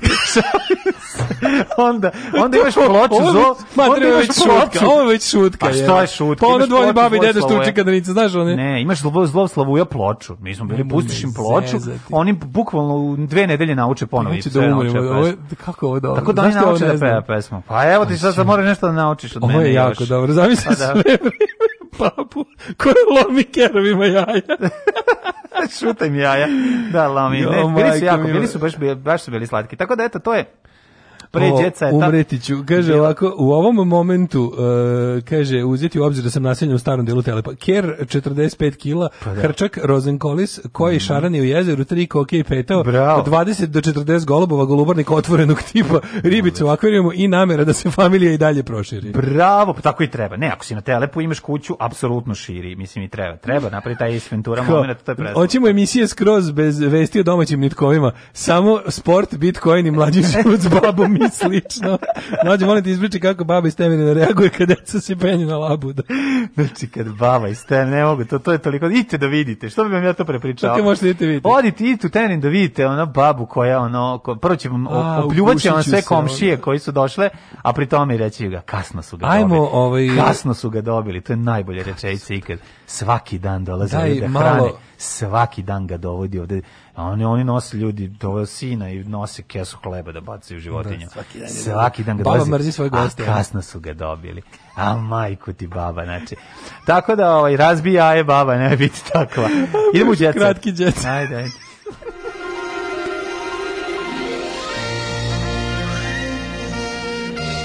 Jazz.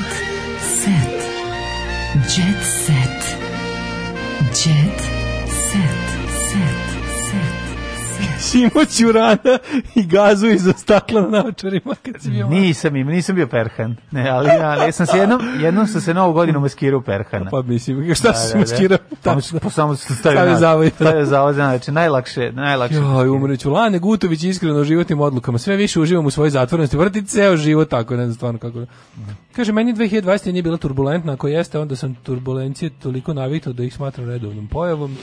Te, um, kakav je Nalane Gutić jedan nevjerovatno talentovani mizantrop to je tako. Da. Ali mislim toliko me raspoložio sa onim ti si rođen za budžu da, da ono da, ja to, da, da ja, ponovo, ponovo me, ja prosto ne mogu da verujem ono koliko je to ne, koliko je to duhovito. Ko je Bojana Marković? I, i koliko se Naglić juče to je pogrešno napisano Bojana i Bojana Maljević. Ne, ne. Bojana Marković je 33-godišnja kraljevčanka, 10 godina deo javnog medijskog servisa. To je ona slatka čebre vodi jutri program.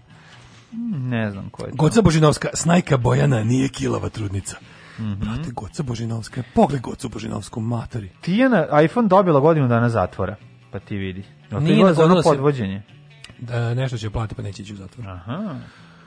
Nisam se preselila na selo, nego sam stalno uz majku koja je bolesna. Pregradila sam se u selo. Jo, majko mila. mela se Želim da, put. Kako, kako narodski intervju. Želim da mi ne umre majka u godini kad treba da se veselim pošto čeka unuku. Ujebem Bladi sunce. Znači. Da, ne treba Nisam u toku da će Mirko i Bojana dobiti kuću u miraz, to su gluposti. Mhm. Pričaju ljudi zato što su Veljko i Bogdana dobili. Goca Božinovska jebem ti lebac. Ove, ovaj, e, Marina, Marina Visković je strastvena žena. Divna kombinacija Tinska i Bokan, ne znam da si vidio to. Vidite, pa to su, Napadaju Milena Radulović. Se, e, to su to, ove, svinje i septičke jame. Da, svinje da. koje riju po mestu gde se septička jama Tako raskopala. Tako jezivi ljudi. U, vidi, u komšiluku kod ovaj ko je ovo mirni kraj Beograda, živi u bloku 21, dole sam ja živeo, jebate, kao mirni kraj Beograda, gde je tu mirno, ono. Kao žive uh, u komšiluku kod Marije i, i Marka Bulata. Mhm. Svi bruju o njenom hapšenju, čule su se velika buka i lomljava. da, ono, prvo je sve ide je bio ovaj, mirni kraj Beograda, živeo na Lameli da sam ja živeo tamo u, u, u ovaj, i gdje je tamo bre mirno još kad još kad si ti taj što pravi nemirno od kraja da. ono No, Iako, mo, da li mogu s dana od nevernih beba e, čekaj, molim te, još nisam otvorio. Samo pročitam za kraj. Ma, znači, dobro, kako... još nisam otvorio Jet Set u novinama, ovo sve bilo iz TV dodatka. Mm, Ti si ajde. zemlja koju dišem, crtam na dlan. Zemlja koju dišem. Pesma koju pišem, ali ne svršavam, ali ne završavam.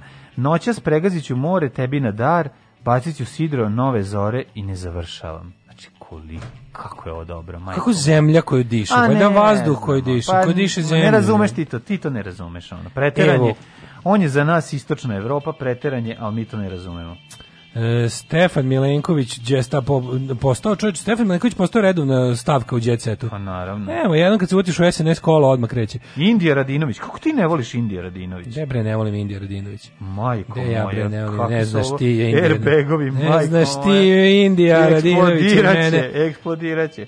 Ove... Povezujem se s duhovima prirode, oni su važna stvar, kaže Elena Karić, zaobilazite tu to pa kuću. To nikad ne bi rekla. Zaobilazite tu kuću koliko e, možete. Ovaj, Jelena Tomašević Zablić kaže, ljudima se dopada kada Ivan i ja jedno drugom iskazujemo nežnost. A vi zovete da vas gledaju dok to radite. Mm, Zamisli, ovaj, dođeš Je, dobar dan. Ja moram da kažem da- par, ona ne znam koliko, onda traže osobu pred kojom bi iskazivali nežnost. Na, na. To na smokvima koliko hoće tako. Ne, da- ja to baš ne bi gledao. Nekako me ne zanimaju iskazivanje nežnosti Posiljčića i nje. To mi E, Lili je već 18 meseci čista i trezna. Ko je Lili? A Lili Alen. Aha. Lili Alen, Lili, Lili. Lili Alen, e, Lili, Slavici Teraš, uh, prete ubi, ubistvom. Mm -hmm. Rasta pravo iz ćelije kod u Zagrlji. Evo Brate, repera prijatelji sačekali ispred zatvora, za četiri mjeseca se nije promenio, Ana I, kaže on ima moju podršku. Izrepovali smo ga iz, iz zatvora, I e, znači tako. to je to je jako važno. On je izašao naprijed i rekao, što ste našli, volite moje te da dolaže moju najku. Ej, ajde ako možeš, e, a, ako možeš s, autotunom da pozdraviš ljude i da zamolite da nas prate. Patreon.com, kroz dačku i mlađa, paypal i račun o te banci, hvala vam, čao. Tekst čitali Mladin Urdarević i Daško Milinović. Ton majstor Richard Merc. Realizacija Slavko Tatić. Urednik programa za mlade Donka Špiček. Alarms svakog radnog jutra od 7 do 10.